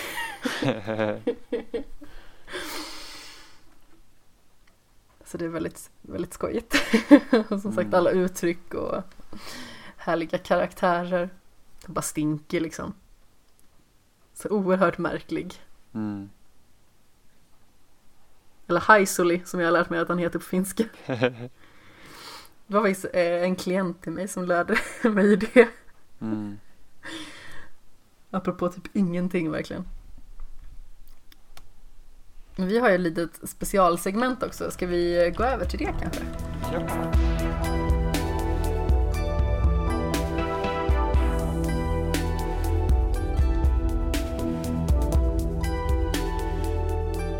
För vi hade ju inte så jätte, jättemycket på agendan idag.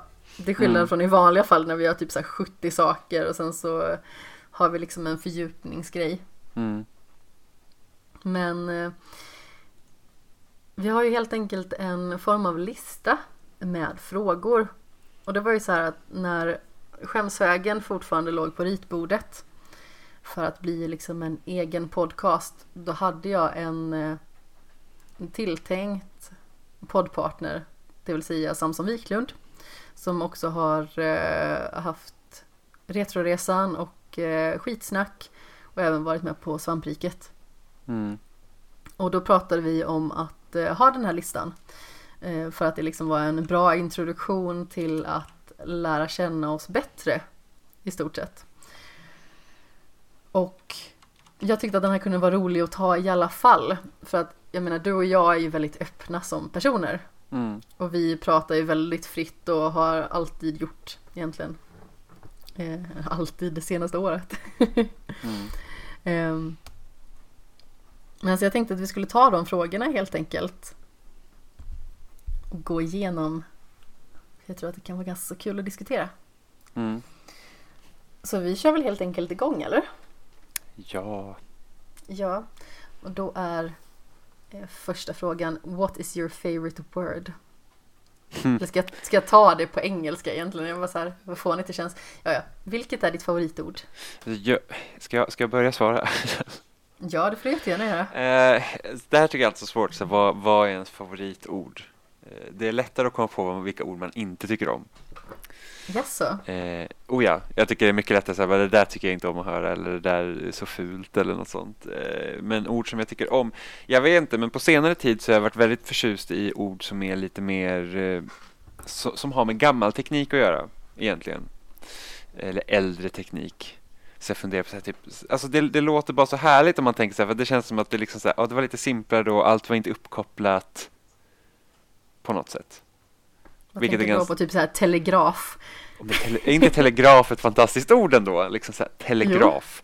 Eh, kassettband är ju liksom Ja. en sån grej. Alltså, tänk, man, alltså när vi var små så var det, så här, det var ju vanligt att ha kassetter. Grammofon är ett väldigt härligt ord också. Grammofon är också ett fint ord. Videospel är ett väldigt bra ord på tv-spel. Ja, Tycker jag. Alltså video överlag tycker jag är ett bra ord. absolut. Att något är ett video. Analog tycker jag också om. Mm. Eh, lite mer sånt. Ganska, det, det är inte så här, de är inte så jättemjuka, så här, grammofon, analog, video, kassett. Det är ganska hårda ord egentligen. Alltså de är ganska Eh. runda också. Alltså, jag vet inte om jag ska säga att de är runda. Video är Gramo- ganska så. Grammofon kanske. Och video, ja möjligtvis video. Men sådana ord tycker jag om, jag vet inte varför. Ja men det kan jag absolut hålla med om. Sen så är jag ju en person som framförallt i skrift blir ganska så gammaldags. Jag är liksom den här personen som när jag sitter och arbetar i Word så får jag liksom typ bannor av Word. Mm. Eller vad är det de säger? De här dialogrutorna som kommer upp. Ehm, minns ej. Det är typ så här. Det här ordet kan verka gammaldags eller främmande. Någonting i den stilen. Ja. Eh, Men alltså jag är med, nu, jag, eftersom jag har studerat så länge nu på högskola så märker jag att det, det har ju påverkat mitt språk i att man, man har ju risken att skriva väldigt torrt. Det gör ju jag hela tiden. Man, ah, ja, jag vet inte vad jag ska säga, säga att du skriver torrt. Jag tycker du skriver väldigt bra, men det kan ju bli väldigt så här sterilt när man skriver på akademiskt sätt. Ja, ja akademiskt är väl kanske Det, det ett ord som beskriver hur jag Precis. Och det, kan och det uttrycka är, mig. Fast, ja, fast, fast ändå inte. Liksom du är ändå ganska klar. Det problemet med akademiskt skrivande är att det är väldigt invecklat många gånger. Som många gånger känns av bara sakens skull. Eh, det är liksom att det här hade du kunnat förklara på typ, alltså istället för att skriva en hel sida om den här grejen så hade det räckt med ett stycke. Och jag hade förstått precis, alltså ibland är det så att du förstår ju inte ens vad, vad personen har skrivit för att de bara typ snubblar in på sig själv. Men det är också, något som är viktigt med akademiskt skrivande är att det måste vara väldigt Alltså, det, det behöver inte vara tydligt, det måste bara vara korrekt. så att, och det, det är det som blir så himla paradoxalt här, för att man tänker att ja, men alltså, är du tydlig så borde det bli korrekt, men det är bara att du, du får inte lämna rum för att det ska kunna tolkas fel. Nej, Och då måste det vara väldigt explicit skrivet, så att det är liksom så här att det, det måste liksom vara 100% klart precis vad du menar. Du kan liksom inte så här skriva att det här är gjort på, i den här studien och sen kan du, ah, okej, men då har de gjort så här och så stämmer inte det. Utan det måste verkligen vara så här, precis exakt så här är det gjort. Och det här är vad jag tagit inspiration från, det här är teorierna det bygger på och då gör man så här, bla bla bla. Och ibland, men alltså sen så är det ju så att eh, formspråket man skriver akademiskt är ju också gjort så att det är väldigt Alltså det, är, det blir väldigt liksom invecklat i onödan. Eh, och, och jag vet, jag har haft lärare som säger att så här kan man skriva men så här behöver man absolut inte skriva längre för att det är liksom det finns bättre ord att använda här eller man kan använda ett sånt här ord. Sen så finns det såklart svårare ord inom akademin som är väldigt bra för att de säger också väldigt mycket. ja absolut. Det är väldigt lätt när man använder sig av väldigt vardagliga ord. Att Mm. det blir luddigt nästan. Alltså tycker jag. Jag har ju väldigt svårt för talspråk i text till exempel. Mm. Framförallt när det är inkorrekt. Det kan göra mig så himla irriterad. Jag vet att folk skriver istället för förrän Mm. så skriver de förrens. Ja. Eller det var någonting som någon skrev häromdagen som eller, verkligen var så här. skriva, eller om man ska skriva det så skriver de bara ett, ett D. Åh nej. Sånt, sånt kan också störa. Alltså visst, jag, jag kanske inte skriver 100% Eller skriver o istället för och. Ja, precis. Fast det kan... Jag tror att enligt svenska skrivregler så kan det vara okej på vissa ställen att man bara skriver ett O med ett streck under. Ja, om man är är från okej. Norrland. Och det är OK. Men, eh, men ja, alltså jag, jag har alltid varit sånt... Alltså, det är väl ett av problemen liksom när folk har börjat konversera på internet, att du ofta skriver, alltså du skriver slarvigt. Eh, man kan skriva slarvigt. Jag, jag försöker ju alltid skriva korrekt. Jag också. Att inte använda onödiga förkortningar. Även om jag, liksom, jag kan ju blanda typ svenska och engelska beroende på. Och sen ibland så liksom kan man skriva lite fort. Men liksom aldrig skriva så här. Skriver jag jag så skriver jag jag. Jag skriver inte jag. Eh, och så som, som det är ett det och inte det. Min syrra förkortar liksom. Det är så här, jag är det. Liksom inte är utan man skriver e istället också bara. Jag tycker att det förvirrar när man skriver så. Jag blir inte förvirrad. Jag blir bara irriterad. det var så att, Jag blir för det, både och. för det känns som att det är så här att det här är liksom Det tar inte längre tid att skriva jag istället liksom Du, du kapar bara en bokstav, så lång tid tar det inte att skriva eh, Nej. Så Jag vet inte. Jag tycker att just en sådan grej. Det gör liksom att skrivspråket hos väldigt många blir extremt förslappat. Ursäkta mig, jag smygrapar där i bakgrunden. mm, Som en extra slusk. Eh, och jag har väldigt svårt för hur många uttrycker sig i text idag. Jag har i och för sig ganska svårt för hur många uttrycker sig i tal också för att det känns som att de blir väldigt eh, enformiga och enkelspåriga. mm, Men jag uppskattar liksom när man lägger krut vid att saker ska stavas rätt. Ehm, Man försöker undvika syftningsfel och särskrivning och sådana grejer. Mm. Sen är jag ju en sak som jag har ju nästan tagit vissa saker till extremer. Eh, istället för att skriva sånt skriver jag ju alltid sådant. Mm. Eh, jag skriver inte ska, jag skriver skall. Du skriver skall. Och jag fick så skäll av min pappa när jag var liten och skrev ska istället för skall för han sa att jag gjorde fel. Och då hade vi lärt oss i skolan att man ska skriva ska. Det är ju inte fel att skriva, ska. nej. Nej, I know. Däremot så har jag också väldigt svårt för när man skriver dom med o. Istället för de och dem. Jag hade faktiskt inte, jag skriver, jag använder ju också det och dem, men jag hade absolut inte haft något emot om folk hade bara sagt nej men skriv dem. Nej men jag läser ju det som dom. jo, men, det är väldigt irriterande bara. jo, men samtidigt, kommer alltså, ut från rummet. det ger ju egentligen ingenting att vi ens särskiljer på det och dem eftersom det uttalas som likadant. Nej men precis. Men i och med att jag har lärt mig initialt hur det liksom ska vara. Eh, och sen så finns det ju folk som försöker använda det och dem. Eh, som använder fel hela tiden. Åh gud, jag, jag gör det, jag använder fel hela tiden. Nej, Gör jag jag. Jag använder det ofta fel, för att jag har aldrig fått lära mig hur man ska använda det. Jag har aldrig märkt att du använder fel. Nej, jag har gjort det, för det behöver jag rätta till ibland. Men vi, jag fick inte lära mig det i skolan, och sen kan det hända att vi har gått igenom det i skolan, men jag var bara inte där. Men jag har inte fått lära mig vad skillnaden på det och dem är. I gymnasiet så sa vår svenska lärare att skriv det, för att det är oftast rätt, typ. Ja. Alltså nu kan inte jag liksom rent ut förklara vad skillnaden på det och dem är. Utan det är någonting som kommer naturligt. I och med att jag har skrivit så sedan jag var sex år. Mm. Men jag tror det är någon, någon hade ganska bra för att om du använder they på engelska då är det det och använder du them på engelska så är det dem. Mm. Så kan man tänka. Men jag går ju också på känsla ibland blir det fel. Ja, men alltså det är inte precis som att jag är felfri på något vis. Jag kan ju också snurra in mig, men oftast är det att jag gör saker för komplicerat för mig själv i text. Så pass Mm. liksom att, ja men nu har jag skrivit det här och det blir typ mer förvirrande än vettigt. Mm. Vilket naturligtvis är synd, men eh, jag försöker att hitta någon form av balans där. Och återigen, jag uppskattar inte talspråk i text. Mm. Sen så talspråk som sagt. Det är vissa grejer som man typ irriterar sig på. Typ som när folk säger egentligen istället för egentligen. Mm. Eller intervju istället för intervju. Mm. Sådant. Men hej, nu har vi spårat ganska så helt.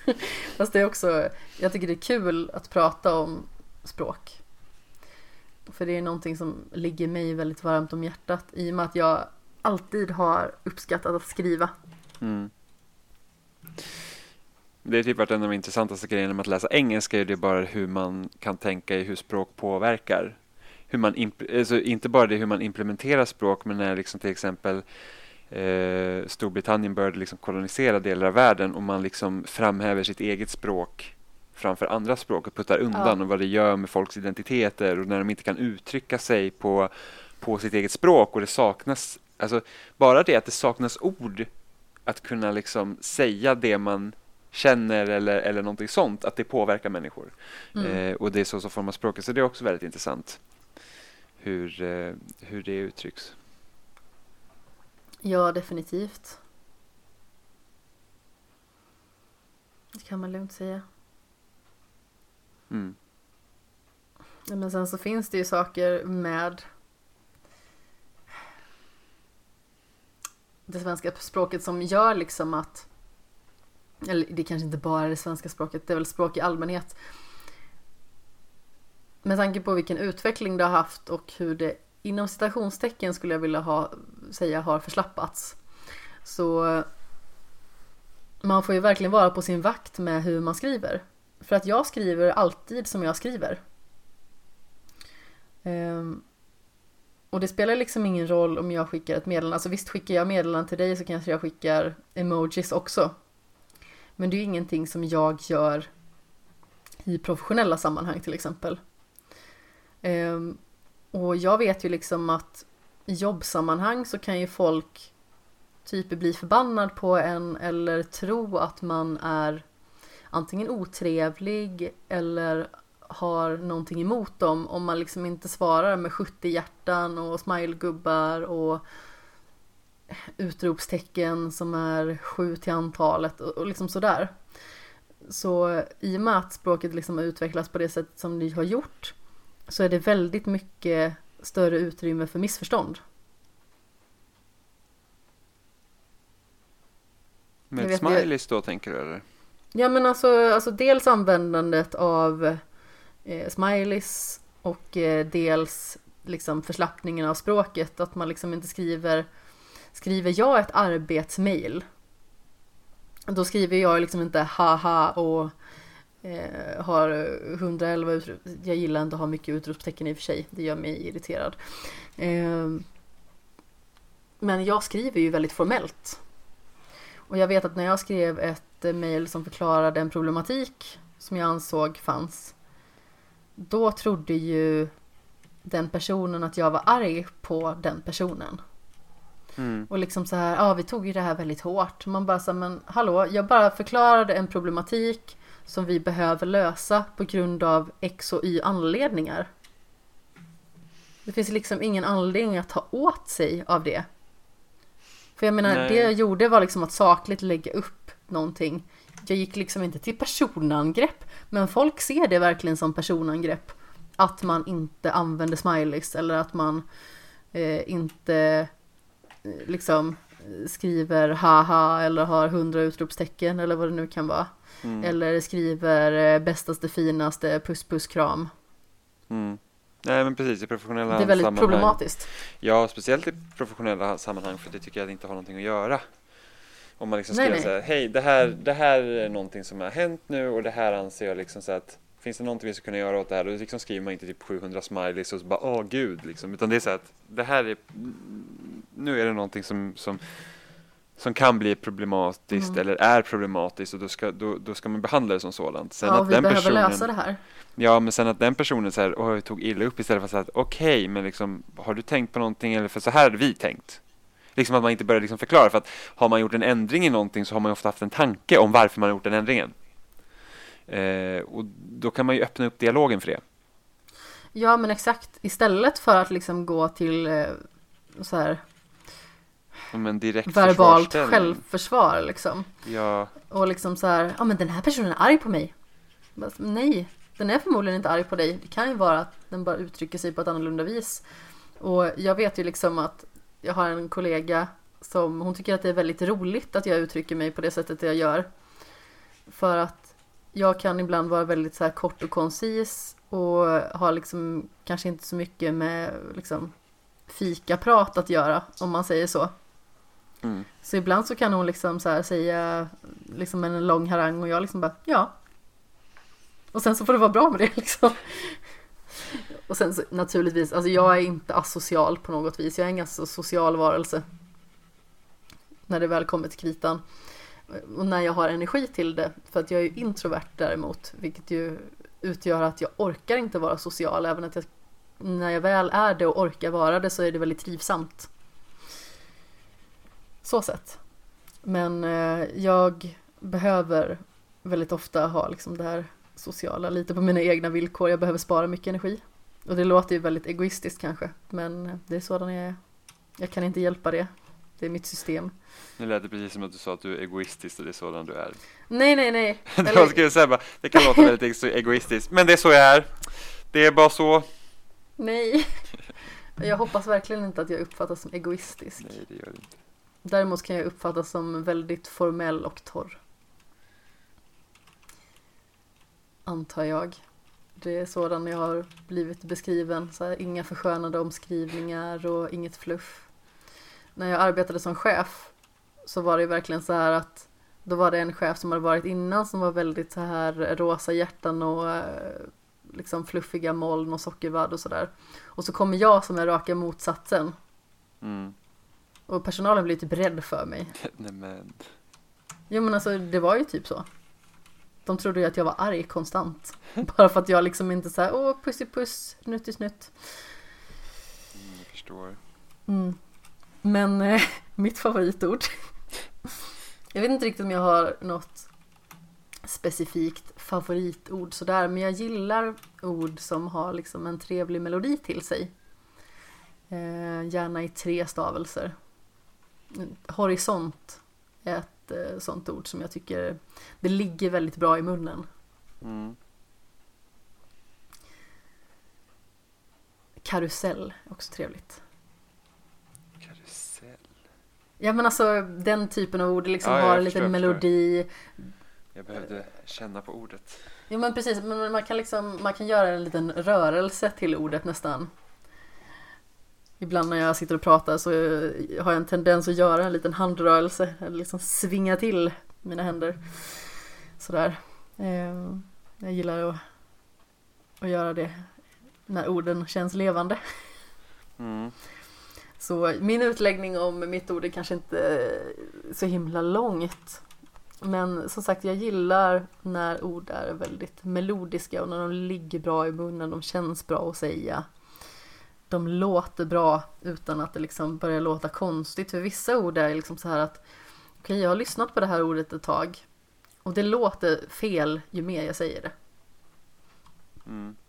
Men det är inte alla ord så att det blir liksom så här, så ju mer man säger ett ord så bara det här låter inte som ett ord längre. Det, hur, Ja men helt plötsligt så är det typ så här, jag kan inte stava det här ordet. Är det här verkligen rätt? Är det här ens ett ord? ja, hur kan ens folk göra så här? ja, precis. Men har du något ord som eh, liksom Ja, frågan är what is your least favorite word? Jag ogillar hemskt mycket könsord. Det, det är liksom sådana som man använder liksom Har du några exempel?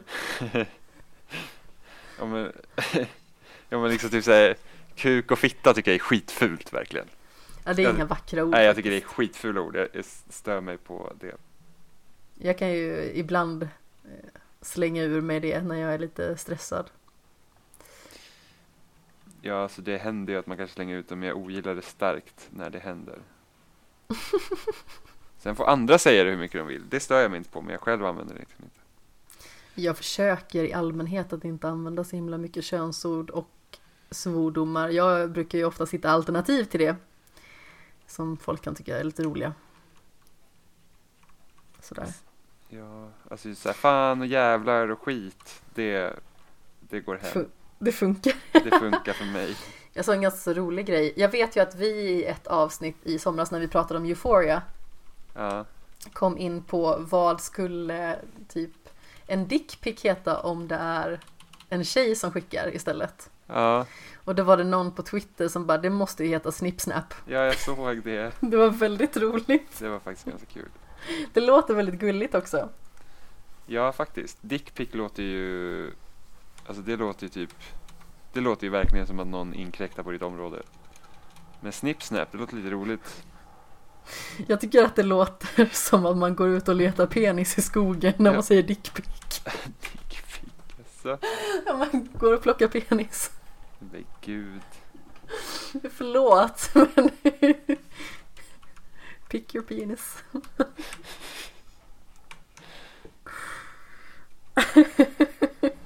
Ja, Hej.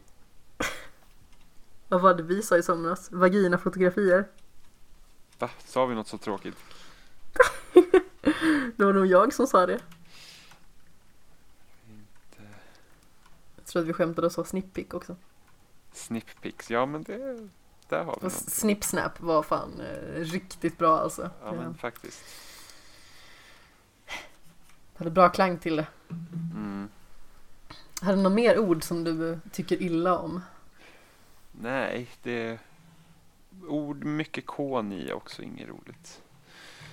Och nu har jag inte något jättebra exempel, men det är typ därför finskan kan kännas ganska tråkig ibland, för att de älskar sina kon. Dubbelkon. Ja men precis, då är, då är det hårt liksom. Ja, det är ju en liten hårdare klang helt klart. Mm. Eh, inte alls förvånande så har jag problem med mycket R i ord. Alltså det är ju jättejobbigt. Alltså fram till att jag var typ så sex år gammal så kunde jag inte säga R alls. Utan då pratade jag ganska så mycket blekingska. Mm. Jag började prata som min mamma. Helt enkelt. Och då var det liksom så här kov och ståk och skök och liksom sådär. Eh, inga tydliga R utan de hoppar man liksom över. Det blir liksom som att eh, vokalen förlängs istället. Det är liksom Mm. korv, kov. Det är liksom som att det är två å istället. Eh, så ord som innehåller många R kan jag tycka är lite jobbigt. För jag kan inte rulla R så himla Men, bra. men ändå gillar du karusell. Ja men karusell är inte så problematiskt. För jag. att där kommer ju R lite längre in. Och det är inget mer R än Mm. ett. Eh, Ett ord som jag tycker är lite jobbigt är murklor till exempel. Bara så, "Ugh." alltså, krumelur tycker jag också är lite jobbigt. Alltså det låter lite trevligare men Alltså den typen av ord, är så här mycket R i, är lite problematiskt för mig. Alltså dels för att jag kan ju typ inte säga det. Mm. Eh, Och dels för att eh, det ligger inte bra i munnen helt enkelt. Mm. Sen ett ord som jag retar mig på jättemycket som folk använder otroligt mycket i sociala medier, det är styrkekram. Styrkekram. På tal om ord med fler R än ett. Ja. Eh, och det är bara för att det känns som att det ordet, jag vet inte. När någonting hemskt har hänt och någon skriver styrkekram så känns det som att man kan inte riktigt ta det på allvar. Och det låter kanske jätteförminskande av, alltså, av mig. Men jag vet inte, det är någonting med styrkekram som jag har så extremt svårt för. Mm. Och jag kan liksom inte riktigt sätta på fingret på det och jag vet inte riktigt var det kommer ifrån. Men det är någonting med själva ordet som inte känns genuint. Och jag vet inte varför. Och förlåt alla där ute som använder ordet styrkekrav men jag kan inte med det och det är liksom inget personligt. Utan det är bara själva ordet som jag, vet inte, det känns inte tillförlitligt. Det känns som att någonting man bara slänger ur sig på sociala medier bara för att liksom visa att man har läst ungefär. Tack för man- visat intresse. Nej, man kan ju ha sådana problem. Så jag, jag själv stör mig jättemycket på folk som använder hashtaggen fuck cancer. Liksom. Ah, Det, Jag det, det, stör, det stör mig jättemycket. För jag var såhär, det, det var, var, var okej, liksom. Och det, och det beror ju mycket på att jag själv har haft liksom det och bara känner såhär, att vad är, vad är meningen, typ. ja, det förstår jag. Men sen förstår, och det, det där blir också problematiskt att jag vet att det är ingen som gör av illvilja. Så att, eh, men det är bara att jag själv, jag själv har, har problem med det. Mm. Jag kan förstå det. Jag har ju haft två föräldrar som båda har haft cancer. Mm. Men min pappa har ju anammat det där ganska mycket. Han köper ju jättemycket saker från Ung Cancer. Mm. Alltså typ deras eh, så här, funktionskläder att träna i och armband och lite sånt. Mm. har han ju införskaffat. Mm. Men det är jättebra. Men det, det, jag känner att det är många som liksom tar Alltså samma sak som jag har ju typ 1 diabetes så då är det också så att hela den communityn är verkligen så att de anammar ju liksom sin sjukdom på ett sätt så att det liksom blir liksom en del av deras livsstil. Liksom Ja. att, att många liksom ger sig in i så att, ja men typ Jag vet att en som jag följer på sociala medier han har liksom haft det i om halva sitt liv till exempel och han har ju liksom skapat sig en helt liksom så här ehm, Persona kring det. Ja, precis. Och han liksom går i så här seminarier och han har liksom en, en så här eh, personlig tränare i business just speciellt som inriktar sig på diabetiker och liksom så här typ att ja, hur, hur insulin fungerar och vad man ska tänka på när man gör de här, tränar på det här sättet det här och liksom mat och allting. Så att han är jätteduktig och jättebra att hitta någon sån när man eh, först liksom fick diagnosen.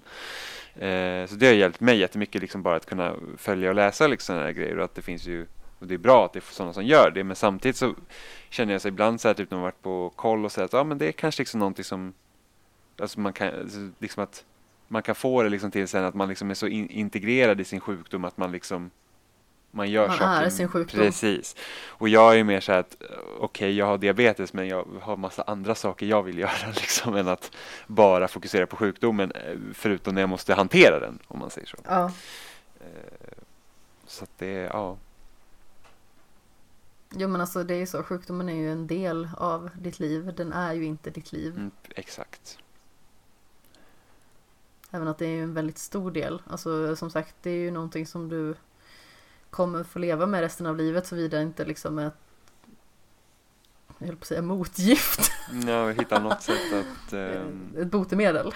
Ja. Motgift. Och sen, sen finns det ju också en risk Fem att... år helt plötsligt. Ja, men sen är det också en risk att det kanske inte kommer något botemedel för de som har det. Men att det liksom att man kan blir förebygga att förhindra det. Eh, mm. Så att inga fler. Förmodligen. Eller så kan man få så här, eh, man skickar in friska celler som får hantera det. Men sen är det också svårt om de ska komma på ett sätt liksom att fixa det. Då ska det ändå vara hur mycket skulle man lita på det till slut? Alltså hur lång tid skulle det ta innan man liksom kan känna sig att jag behöver inte kolla? Jag är fri.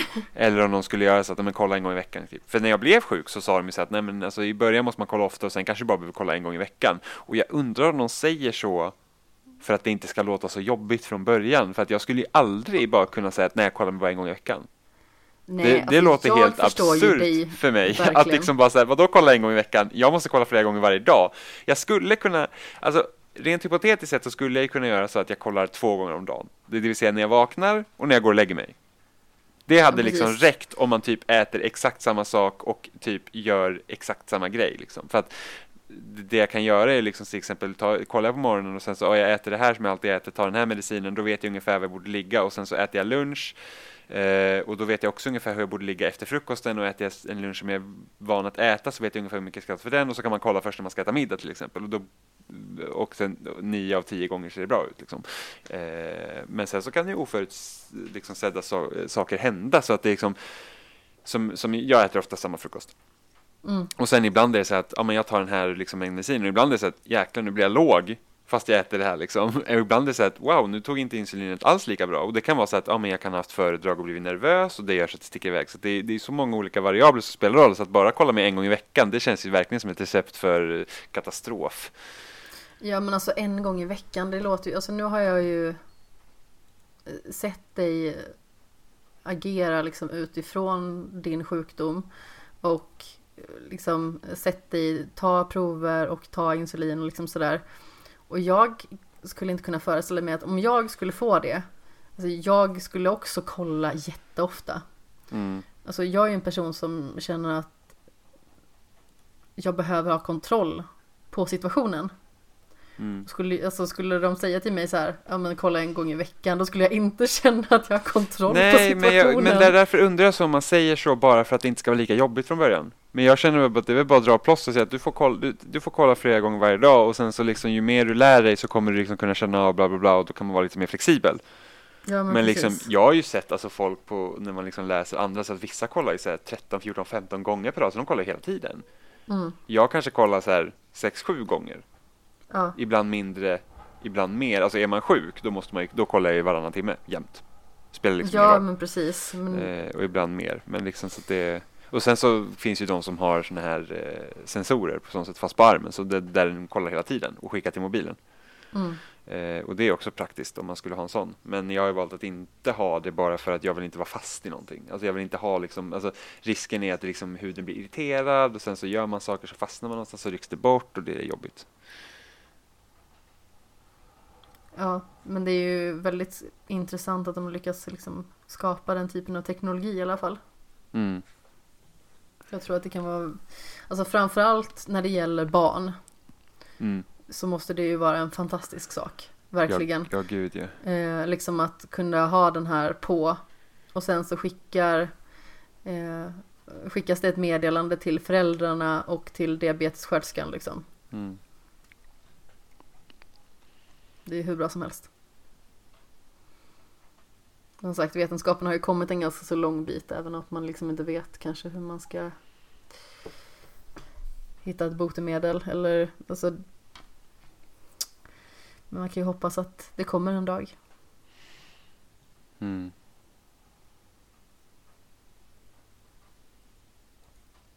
Jag bara såhär, sa jag vilket mitt eh, ofavoritord höll jag på att säga?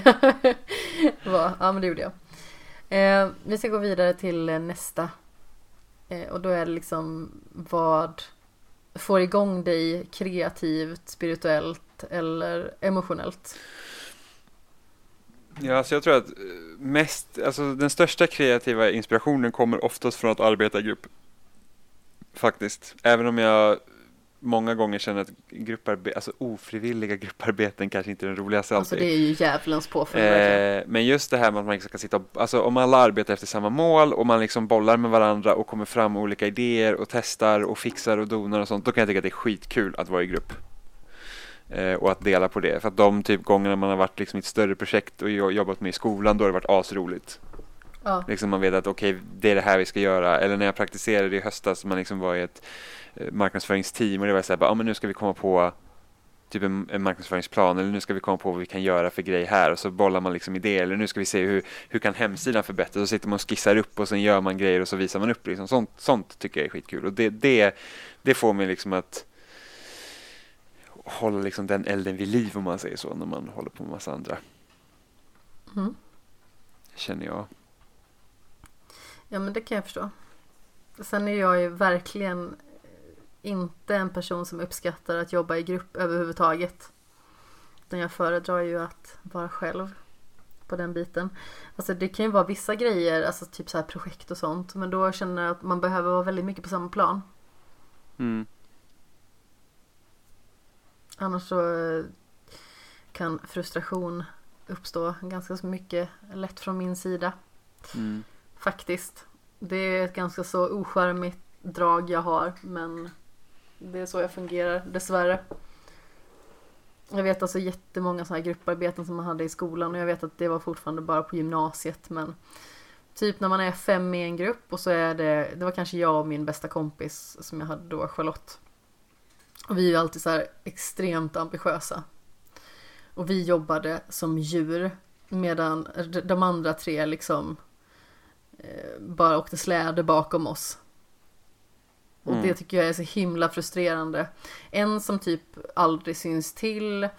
Eh, en som eh, bara liksom eh, söker på fel saker hela tiden och fokuserar på fel saker i arbetet och en som typ bara lallar runt. Mm. Jag kan känna ibland det är ganska skönt. Man vet så att okej, de här personerna de är inte speciellt duktiga eller de gör ingenting. Då hamnar de bara i vägen. Så då kan jag så att då vet jag att då kan jag liksom om jag fixar det här så blir det bra. Och då har jag ingen annan som stör det. För att det värsta är ju när någon som är inte jättebra kommer med idéer och tror att de är jättebra. Och man var så här, nej. Nej. Och så måste man slåss om att den här personens idé inte är bra. Eh, för jag ja, vet det är ju också hopplöst. Ja, för ett, ett av mina första grupparbeten i, på högskolan var ju det att vi skulle, vi skulle gå igenom mediering, alltså hur olika medieformer har ändrats från, alltså genom åren. Eh, och då fick vi liksom TV. Och då var det så att okej, men då, då liksom tänkte jag så här, okej, vad har ändrats genom TV? Då tänkte jag så här, men okej, vi har ju haft olika grejer hur man liksom interagerar med TVn och uppmanas att interagera med TVn och hur har det ändrat sig genom åren? Det var liksom min pitch. Och, och, och liksom så att för vi använder liksom fjärrkontrollen och liksom hur pratar liksom en programledare till publiken. Så tidigare var det så att man låtsades som att det är ingen som sitter hemma och kollar på TV utan det var som att alla ska vara i studion. Till att Mm. liksom numera så pratar ju folk direkt in i kameran för att de vet att du är inte där. Du liksom, de pratar till dig. Eh, och sen hur de uppmanar oss att liksom så här, ska man ringa in, använda sociala medier eller hur, hur, hur får de liksom oss att vara aktiva med TVn? Eh, Mm. Det var liksom min idé. Och eh, då var de här typ då var det en tjej och en kille som var med i min grupp och då var så här, tjejen var så här, ja alltså jag skulle vilja göra något med barnprogram. Och man bara okej, vad? Nej det vet jag inte. Och sen den andra killen då säger ja men barnprogram låter kul och man var så här, åh nej. Måste jag liksom börja argumentera nu att deras förslag liksom inte kommer vara bra? Eh, men sen så gick vi på mitt förslag såklart. Såklart. Ja, men det var ju så att, för att sen så efter jag bara, men okej, för man måste ju vara lite pedagogisk. Det kan ju inte bara säga så här, nej, ni får bara vara tysta och lyssna på mig. Jag tycker ni är sämst. Ja, men typ. Det var så här, okej, men fundera över helgen så träffas vi på tisdag igen och sen så får vi se då. Och då var ju bara så här, ja, ah, men det kan, din idé kanske är bättre. Man bara, mm, I know. Eh, så, så ja, jag, jag låter skitdryg nu men det är liksom så att ibland är det bara så uff, alltså snälla bara häng med här. Vi är ju väldigt lika på vissa punkter. Och, men det var ganska kul för när jag började högskolan, det är så att man, så här, man är inte riktigt säker på att allting fungerar. Då ska man säga, ja men gud vad skönt om jag bara ska kunna hänga på. Liksom att, no, att jag kan bara få liksom se hur det fungerar att någon annan tar kommandot, men det har ju inte hänt oftast. Sen Nej. har jag haft grupparbeten där vi liksom alla samsas och är jätte, alltså ett jättebra team, så inte så som att jag är så här, varenda upp, eh, grej jag har gjort så jag släpat teamet, det stämmer inte alls. Men liksom de bästa grupparbetena har verkligen varit så att vi alla är liksom alla gör vad de ska. Eh, och sen mm. de sämsta är det verkligen så att man typ såhär bara, ja ah, okej, okay, eh, vi får se hur det går. Och speciellt när man är ny på högskolan, för att det är så annorlunda att plugga på högskolan än vad det har varit i gymnasiet och grundskolan. Så då är det så att det, det, är väldigt mycket svårare och det är ett helt annat sätt att arbeta på, vilket gör att så här, de första typ ett och ett halvt, så här, ett år liksom, då var det så här att ångest över varenda grupparbete, för man bara shit, alltså jag vet inte om det här liksom kommer funka. Och nu är det typ så här, ja ja, det, det går. så att, ja. Nej men alltså det är ju komplicerat det där. För jag är ju en person som eh, jag gillar att prestera. Och jag är väldigt ambitiös av mig. Och jag liksom jag vill framstå som bra. Det är väl liksom inte så, så konstigare än så. Mm. Egentligen. Utan jag vill uppfattas som en person som är duktig på saker. Som kan, som vet. Um, och tyvärr så är det väldigt lätt att utgå ifrån att alla andra uh, borde ju vilja liksom detsamma. Så jag vet en gång när uh, det var någon som hade en presentation och jag tror att jag var med på ettornas engelska lektion för jag hade ju läst alla grundämnen redan året innan när jag skulle byta skola. Så jag bara läste ju klart grundämnena och skippade karaktärsämnena och läste bara karaktärsämnena mitt andra första år när jag hade bytt inriktning. Och då hade jag liksom en håltimma och jag var bara med och lyssnade. Och då sa jag till en person som stod framme och läste till med nosen ner i pappret liksom att ja, du kanske borde ha övat lite innan och faktiskt försökt att bara kanske jobba lite med stödord eller när man försökte presentera det på ett annorlunda sätt för det blir väldigt opersonligt när du bara står och läser upp och ner. Och jäklar vad mycket skäll jag fick. Mm. Ja, men alltså, det var ju en person, jag trodde att hon skulle mörda mig. Och bara, du vet inte hur vi har det, vi har så himla mycket att göra och vi är så pressade och vi är så stressade och världens dramatik. Jag bara så, hallå jag har faktiskt också gått i skolan, jag har gått i skolan ett år längre än ni. Ja. Bara för att hon tyckte liksom att jag hade inte lika mycket lektioner så därför visste jag minsann inte vad jag pratade om. Mm. Men alltså jag har gått i skolan. Jag också. Jag bara liksom försökte att ge ett råd. Kanske lite väl mycket utifrån mig själv och vad jag tycker. Eh, men det är ju för att lärarna säger ju liksom så här, när ni ska presentera då är det stödord som gäller, ni ska inte läsa innantill. Mm. Och vad är det då för, för fel med att påpeka någonting uppenbart? Det var bara liksom för att inte vara Åh, finaste, bästaste, du är så duktig. Mm. Jag har faktiskt inget emot att folk läser från papper. Det beror på hur. Ja, precis. Alltså är det så att man läser bara så typ att man typ mumlar lite i pappret, det är en annan sak. För att eh, jag vet att eh, för jag brukar också vara sånt, jag läste bara med stödord och sådana grejer. Och sen när man gick in på högskolan så var det så här att det är så mycket grejer att komma ihåg som är så svåra att det är omöjligt i princip att komma ihåg. Ja, men det eh. tror jag kommer bli liksom problematiskt ifall jag kommer att läsa vidare. Mm. För att men jag sen... är ju en sån, jag har ju typ så här slängt alla papper, inga stödord, jag bara står där liksom och viftar och har mm. mig och liksom jag kan typ så hitta på under vägens gång. Mm. Men så är jag också, beroende på vad det är man ska presentera. Är det någonting ja. jag, som typ när vi har haft våra projektarbeten i skolan, det är gjort helt utifrån mig själv. Ja. Då behöver jag inte ha något stödord. Då kan jag liksom Nej, skriva en presentation precis. och bara tänka, för jag bara, det här har jag gjort. Men när det är liksom så här, det här är de teorierna ni ska ta upp, de här teorierna jag ska prata om, då är det så att jag behöver ha någonting att läsa av ja, också. Ja, men det blir ju jättekomplicerat annars. Yes. Och sen så vet jag, det är många lärare som också, de har ju sina, alltså de kan ju det fortfarande, men sen så ser man att de har ju sina typ manuskript där de liksom highlightar vissa grejer och så står de och pratar och sen så kollar de lite så här, okej okay, vad var det nu jag skulle ta upp och sen fortsätter de. Eh, ja, men, men sen har jag ju liksom också sett folk som ner. Alltså sen har ju också folk gått upp med datorer stått framför sig och läst av skärmen och då är det bara så att nej. Där sätter jag min gräns. Du kan inte gå upp med en, dat en bärbar dator och hålla framför huvudet. Då får du fan skriva ut papperna i alla fall. Ja men precis. Jag brukar Nej, stå men- med min, jag har min iPad. Det är skitbra. När jag, när Ja. jag ska presentera. Alltså. Nej men alltså jag förstår liksom att man kan stå med ett papper och liksom kolla på det då och då. Men läser man det innantill utan någon form av inlevelse. Alltså då är det typ så här. För mig så kan du lika gärna läsa vädret ur dagens tidning liksom. Jag blir inte mer investerad än så här. Mm. Och det kanske gör mig till ett rövhål. Men det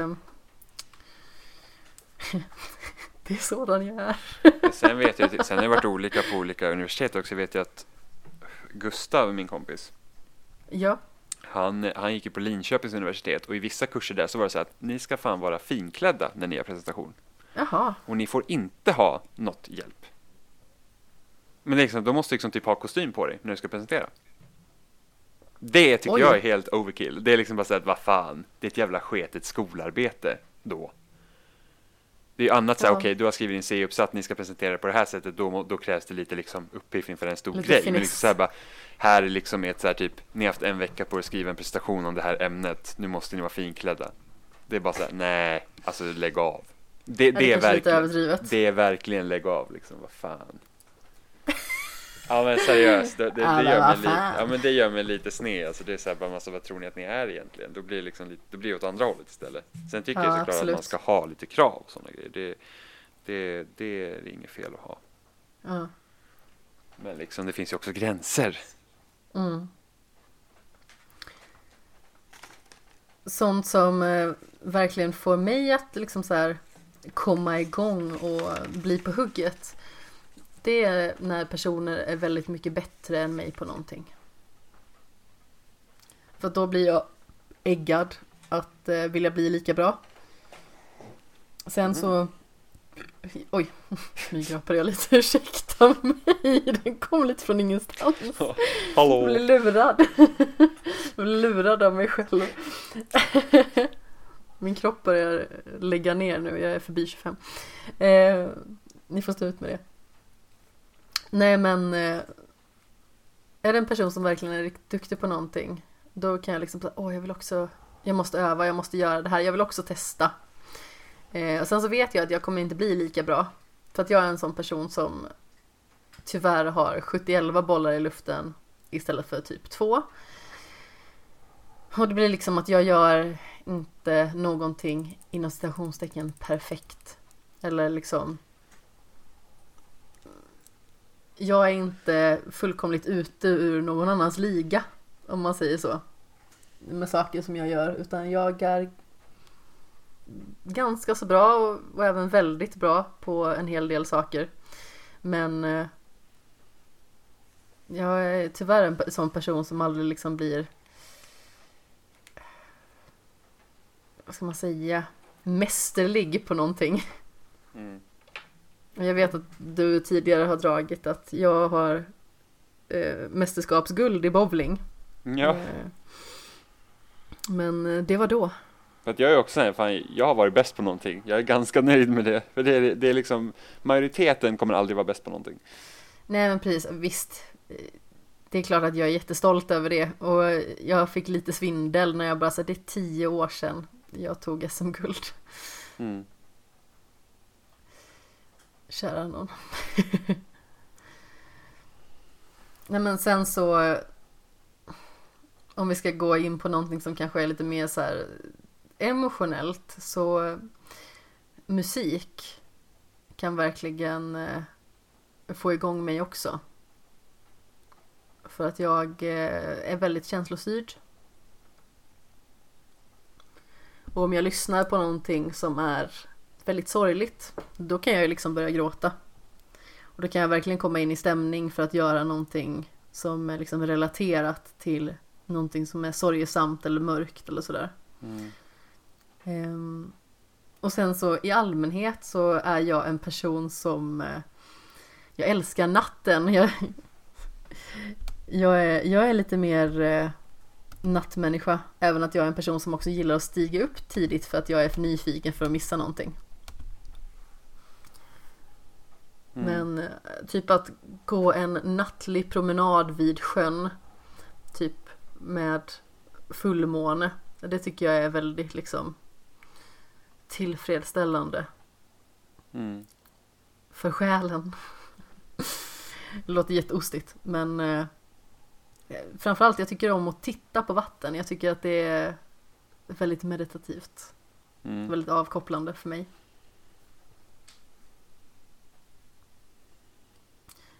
Motsvarighet, eller motsvarighet, motsatsen. Vad eh, får dig liksom att eh, bara säga nej, det här går inte. What turns you off? Som det stod i, i listan. Alltså dryga människor, människor jag inte tycker om.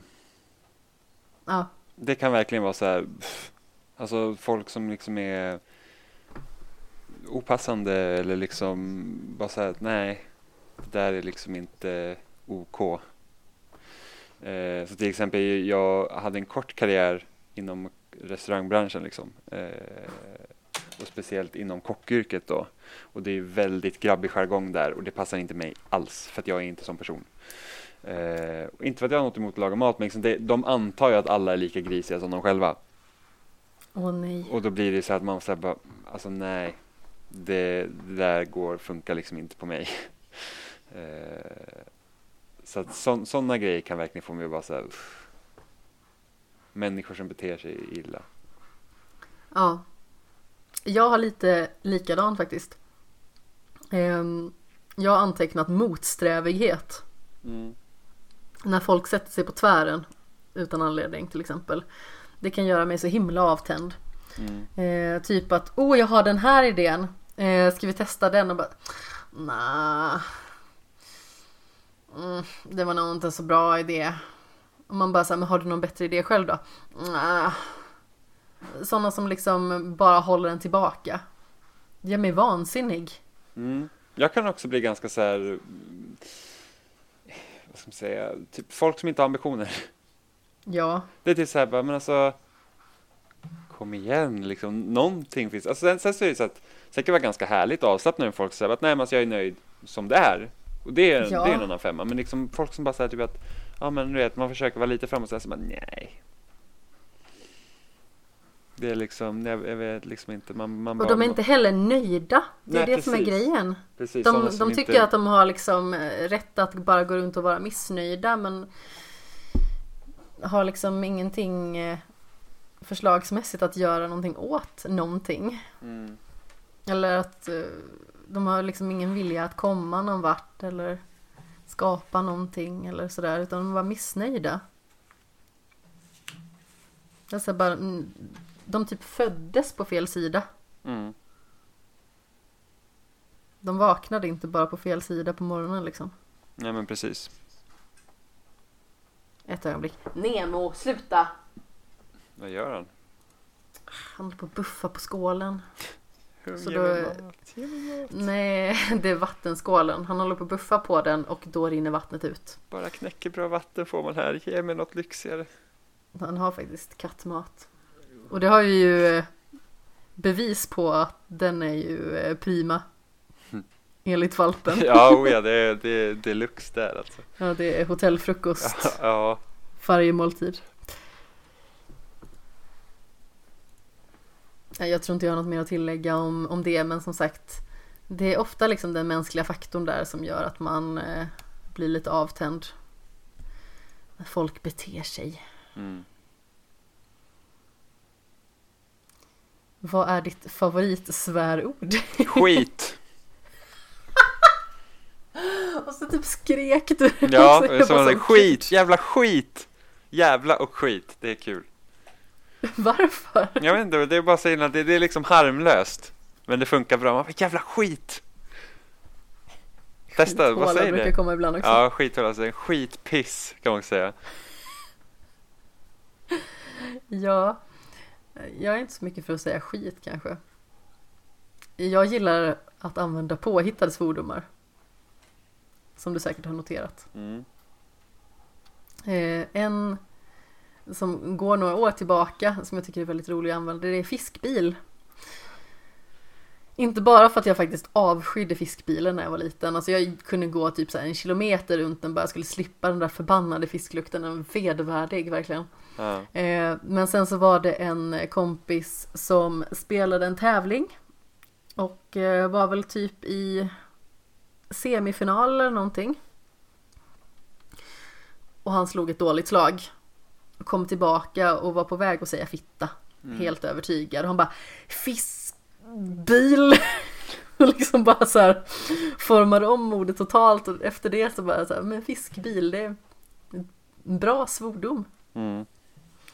Sen så tycker jag liksom att andra påhittade svordomar kan vara väldigt roligt också. Alltså vi har ju från typ Mumindalen och förmorrat tycker jag är väldigt roligt. Mm. Förmorrade Stinky. eh, hälsefyr gillar jag också. Ja, Det låter också skojigt. faktiskt. Det blir liksom man blir lite arg men man avdramatiserar ändå situationen lite grann. Mm.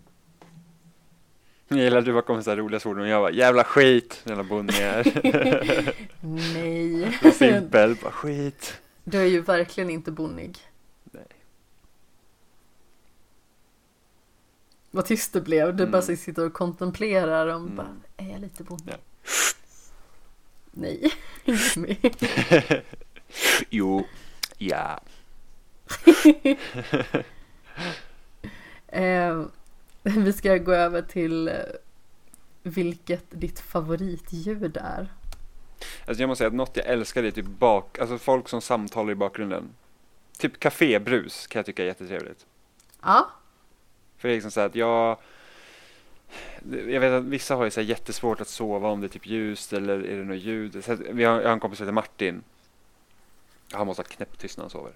oj, Alltså knäpptyst, annars kan inte han sova. inte jag. Eh, och, sen så Jag kan somna överallt. och sen är det ganska kul när folk är så här brutalt ärliga också för att det var att han var hem, när jag bodde i Sollentuna så, så sov han över där en natt och fick han sova i soffan. Och så var det en annan kompis som sov på någon luftmadrass på golvet. Och sen var det så här på morgonen, man bara "Ja, men, God morgon liksom, har du sovit bra? Nej, var liksom svaret. Man var så här, inte ens en artighetsfras, så här, jo men det var okej liksom, lite, lite stel bara, så det är ändå en soffa liksom, haha, du vet. Men det var så här, nej, punkt. Man bara, okej. Man kan ju inte låta bli att gilla det ändå. Det roligaste är att den här personen är ju inte sån. Nej. Alltså han är ju liksom ingen, det är ingen butterperson, han är väldigt trevlig liksom. Men det är så här att, det, det var så kul, man bara, nähä, okej. Man vet ju att det kommer från hjärtat då i alla Ja, fall. god morgon till dig också. Kanske ska somna om eller inte. liksom. Var hälsad. Ja, men, men så här kafébrus och sånt, det, det kan jag jättetrevligt. Typ om folk liksom, så att om någon kollar typ på film. Jag, jag somnar väldigt ofta till film, men liksom så här, det ljudet stör inte mig. gör du? Ja, då kan jag somna jättebra. Eller folk bara liksom samtalar normalt, då är det liksom också bara somna på en gång. Så, att, så att det, det kan jag tycka är ganska trevligt. Jag tycker att det är väldigt trivsamt faktiskt att ha lite ljud i bakgrunden. Jag är ju en sån som gärna kollar på saker när jag ska sova eller lyssnar på saker. Det gör liksom att man kommer in i någon form av så här lite mer, vad ska man säga, harmoniskt stadie Mm. för egen del. Sen så, alltså lite dagsform också naturligtvis. Alltså sitter jag på tåget och någon håller på och pratar jättehögt. Jag vet att det var ett tag sedan så eh, stod inga planeter i linje överhuvudtaget och då var det liksom så här tåget som jag skulle ta eh, det missade jag på grund av att det inte fanns någon parkeringsplats. Eh, nästa tåg var överfullt och det var bara en vagn så jag var tvungen att stå upp och så fick jag lyssna på några som typ pratade svinhögt och det här är liksom så här sju på morgonen ungefär. Mm. Jag bara säger, jag orkar inte höra på ert typ skrikskratt vid den här tiden. Snart så åker ni ut med öronen före. Mm. Det går inte att hålla på. Nej men eh, sånt tycker jag kan vara jobbigt. Däremot lite så här brus i bakgrunden. Jag vet nu när jag var på Retroresan Meetup till exempel. Då är det ju ett stort rum som har en scen. Och på den här scenen brukar väldigt många sova. Och även Mm. jag. Sedan så finns det lite, lite rum utanför också så där man kan sova. Men jag brukar sova på den här scenen. Jag är väldigt eh, enkel att ha att göra med när det gäller hur jag ska sova. Mm. Nu sover jag på en yogamatta och invirad i ett täcke. Så jag behöver liksom inte ha så mycket för att typ vara nöjd. Plus att folk liksom bara så här Åh nej, eh, ska vi dra för gardinerna ifall du vill ha lite mörkt? Alltså då från scenen då. Jag bara säger nej det är ingen fara. Alltså jag, jag ligger och kollar på er tills jag somnar. Mm. Ungefär.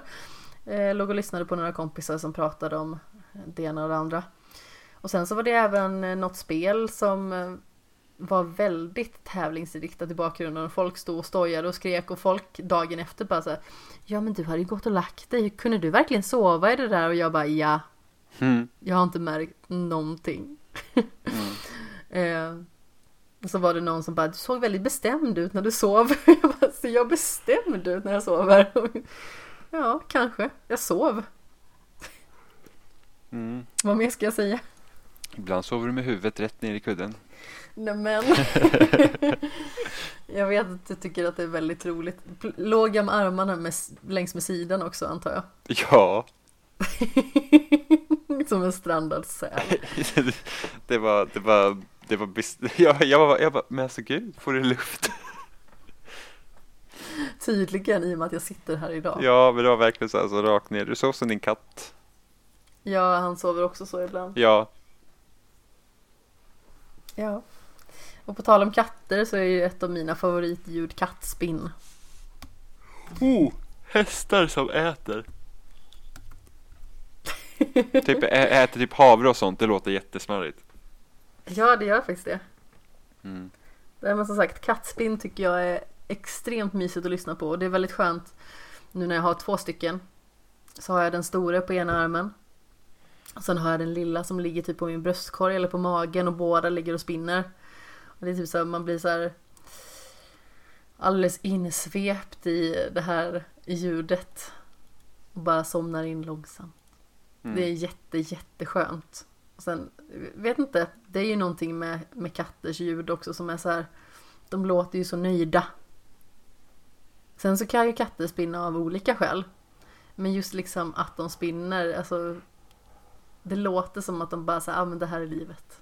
Mm.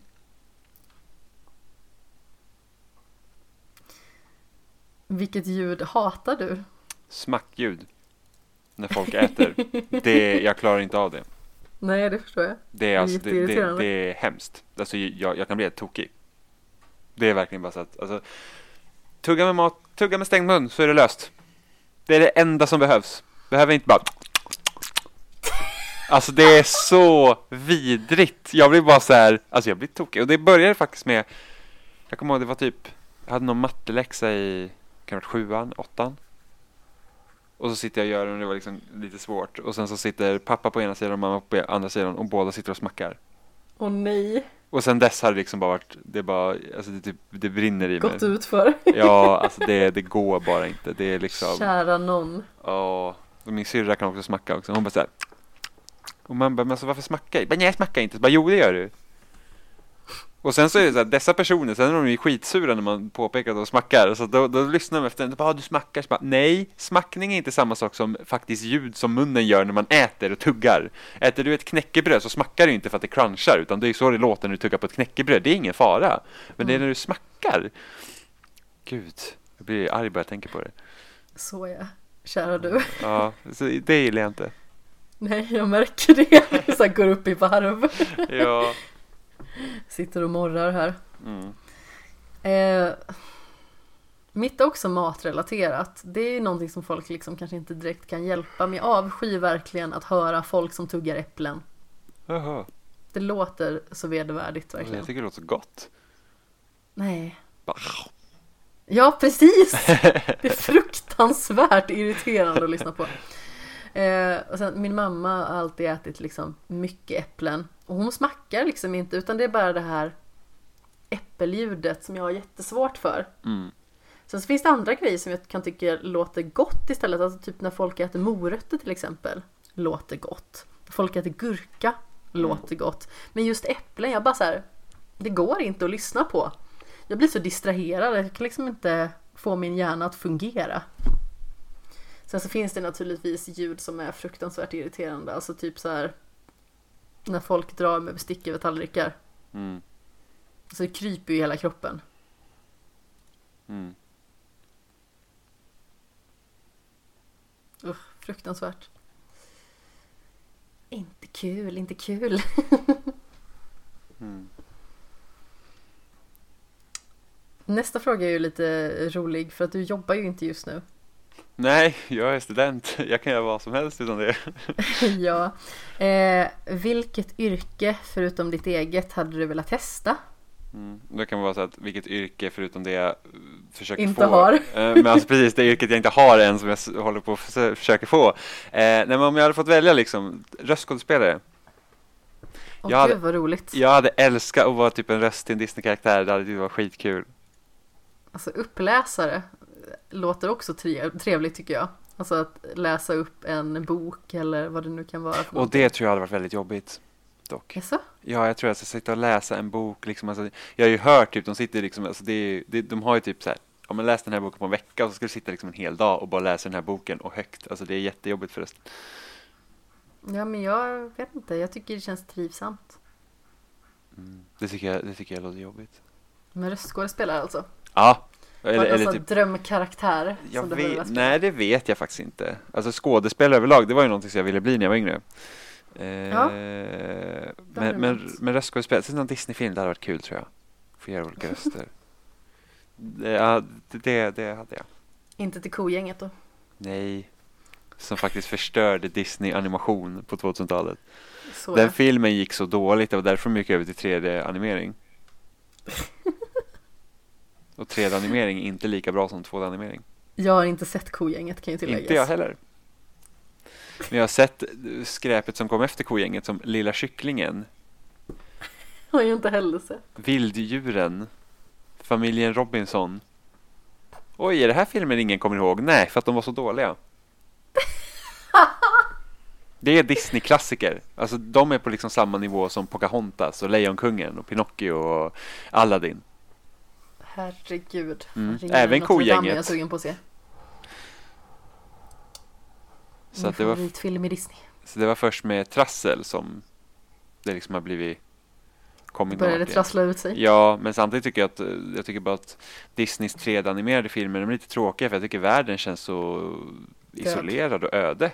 Det är liksom så här bara, ah, här är det slottet mitt ute ingenstans. Liksom. Jag vet inte, nå- på, på något sätt är det med deras riktiga teckningar som gör att allt känns så mycket mer livsamt. Ja men alltså Och sen när de Återigen- blandar olika stilar för att alltså, sen de börjar med den här typen av 3D-animering så ser ju allt likadant ut. Ja, nej men alltså ta typ Ringen Notre Dame som jag nämnde innan som ju är min favorit. Alltså det känns ju verkligen som ett ställe. Alltså som man vill vara på nästan. Alltså visst det händer hemska saker där men hej, jag vill Mm. vara där. Det är jättefint. Mm.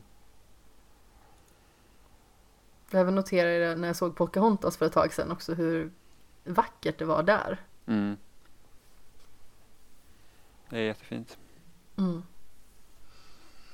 Alltså, jag har ju många svar här. Eh, när jag var liten så hade jag två stycken yrken som jag ville bli. Och det ena var konstnär och det andra detektiv.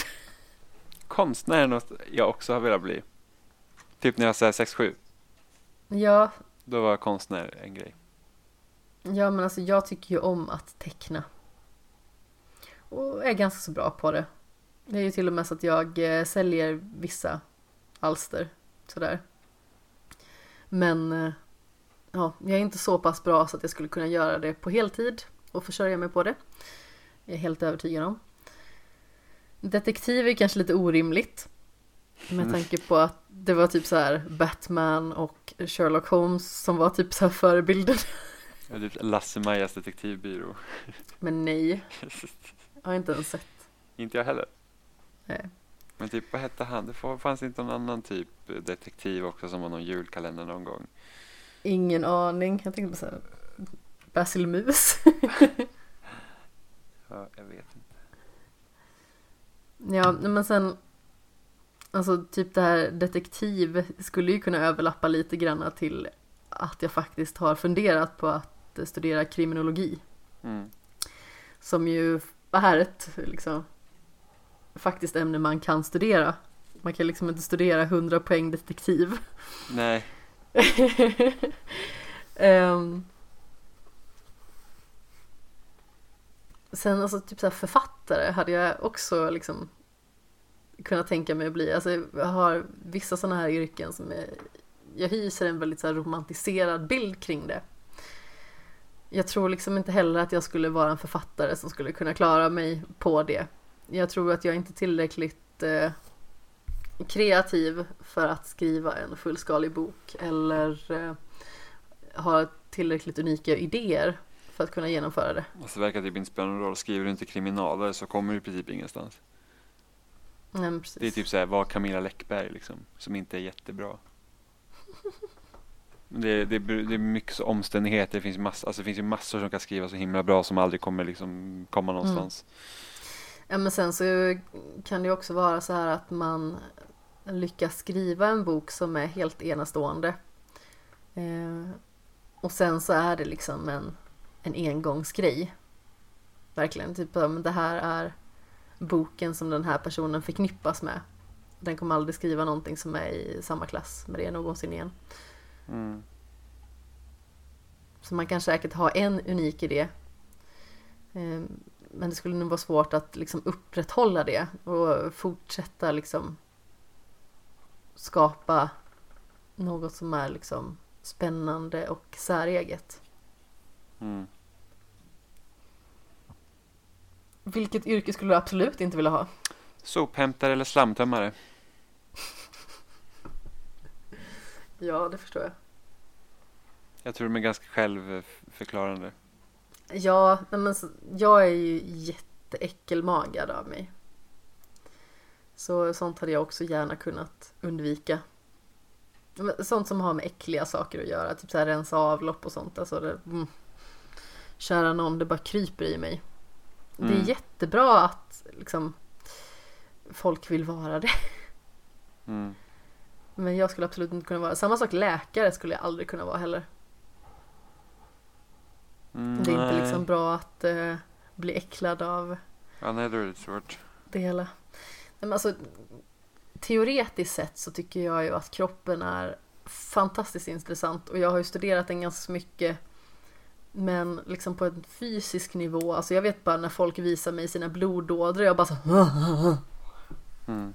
Tycker att det är liksom, så det är inte äckligt att ha blodådror, jag har det också, men jag, jag kan liksom inte kolla på det. Jag tycker det är skitjobbigt. Jag har ju mm. funderat på att tatuera min underarm på den sidan. Där man har ganska så tydliga blodkärl. Eh, och jag eh, bett i fanken om jag kommer klara av det alltså. Mm. För att jag tycker liksom det känns så äckligt. Mm. Och sen typ så här, det är ju inget jobb per definition men en liksom en tjänst inom alla yrken som finns det är ju att vara chef. Och det är absolut inte min grej. Mm. Det är ju ett jobb som jag haft och eh, som jag förmodligen aldrig kommer att ta mig an igen. För det passar inte mig som person. Jag eh, tar på mig för mycket. Jag eh, hyser inte tillräckligt med tillit till att folk gör det de ska. Och eh, framförallt när folk inte gör som de ska, då gör jag det åt dem istället. Mm. Och det kan man inte göra efter ett tag för då kör man slut på sig själv. Mm.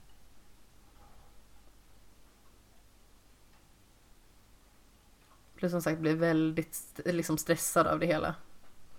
Jag är inte bra på att hantera folk på det sättet. Precis som jag sa tidigare också liksom att jag är inte bra på den balansgången mellan fluffigt rosa moln och jätteformell och rak. Mm. När jag är instruktör till exempel, däremot, då kan jag ju vara någon helt annan. Men då går jag ju typ in i en roll. Jag är nästan som en skådespelare när jag instruerar. För att då är jag liksom väldigt, alltså i relation till hur, hur jag kan vara så är jag ganska rolig som instruktör. Alltså det låter ju väldigt konstigt att säga om sig själv. Men Mm. ta ekonomiassistenten Amanda. Så är det en ganska så tråkig person. Och folk förstår inte hur den här personen orkar sitta och nöta siffror bara dag ut och dag in och liksom nästan två år i rad bara sitta och plöja siffror. Eh, hur hanterar man det? Eh, och de, det är jättemånga som bara så här, jag förstår inte hur du klarar att göra det. För det måste vara det tråkigaste jobbet i världen. Och sen instruktören Amanda, det är liksom så att man tar på sig en liten instruktörshatt och så blir man en helt annan person. Mm. Och det är jättemånga gånger som jag bara önskat att jag var den personen permanent, men det är jag inte.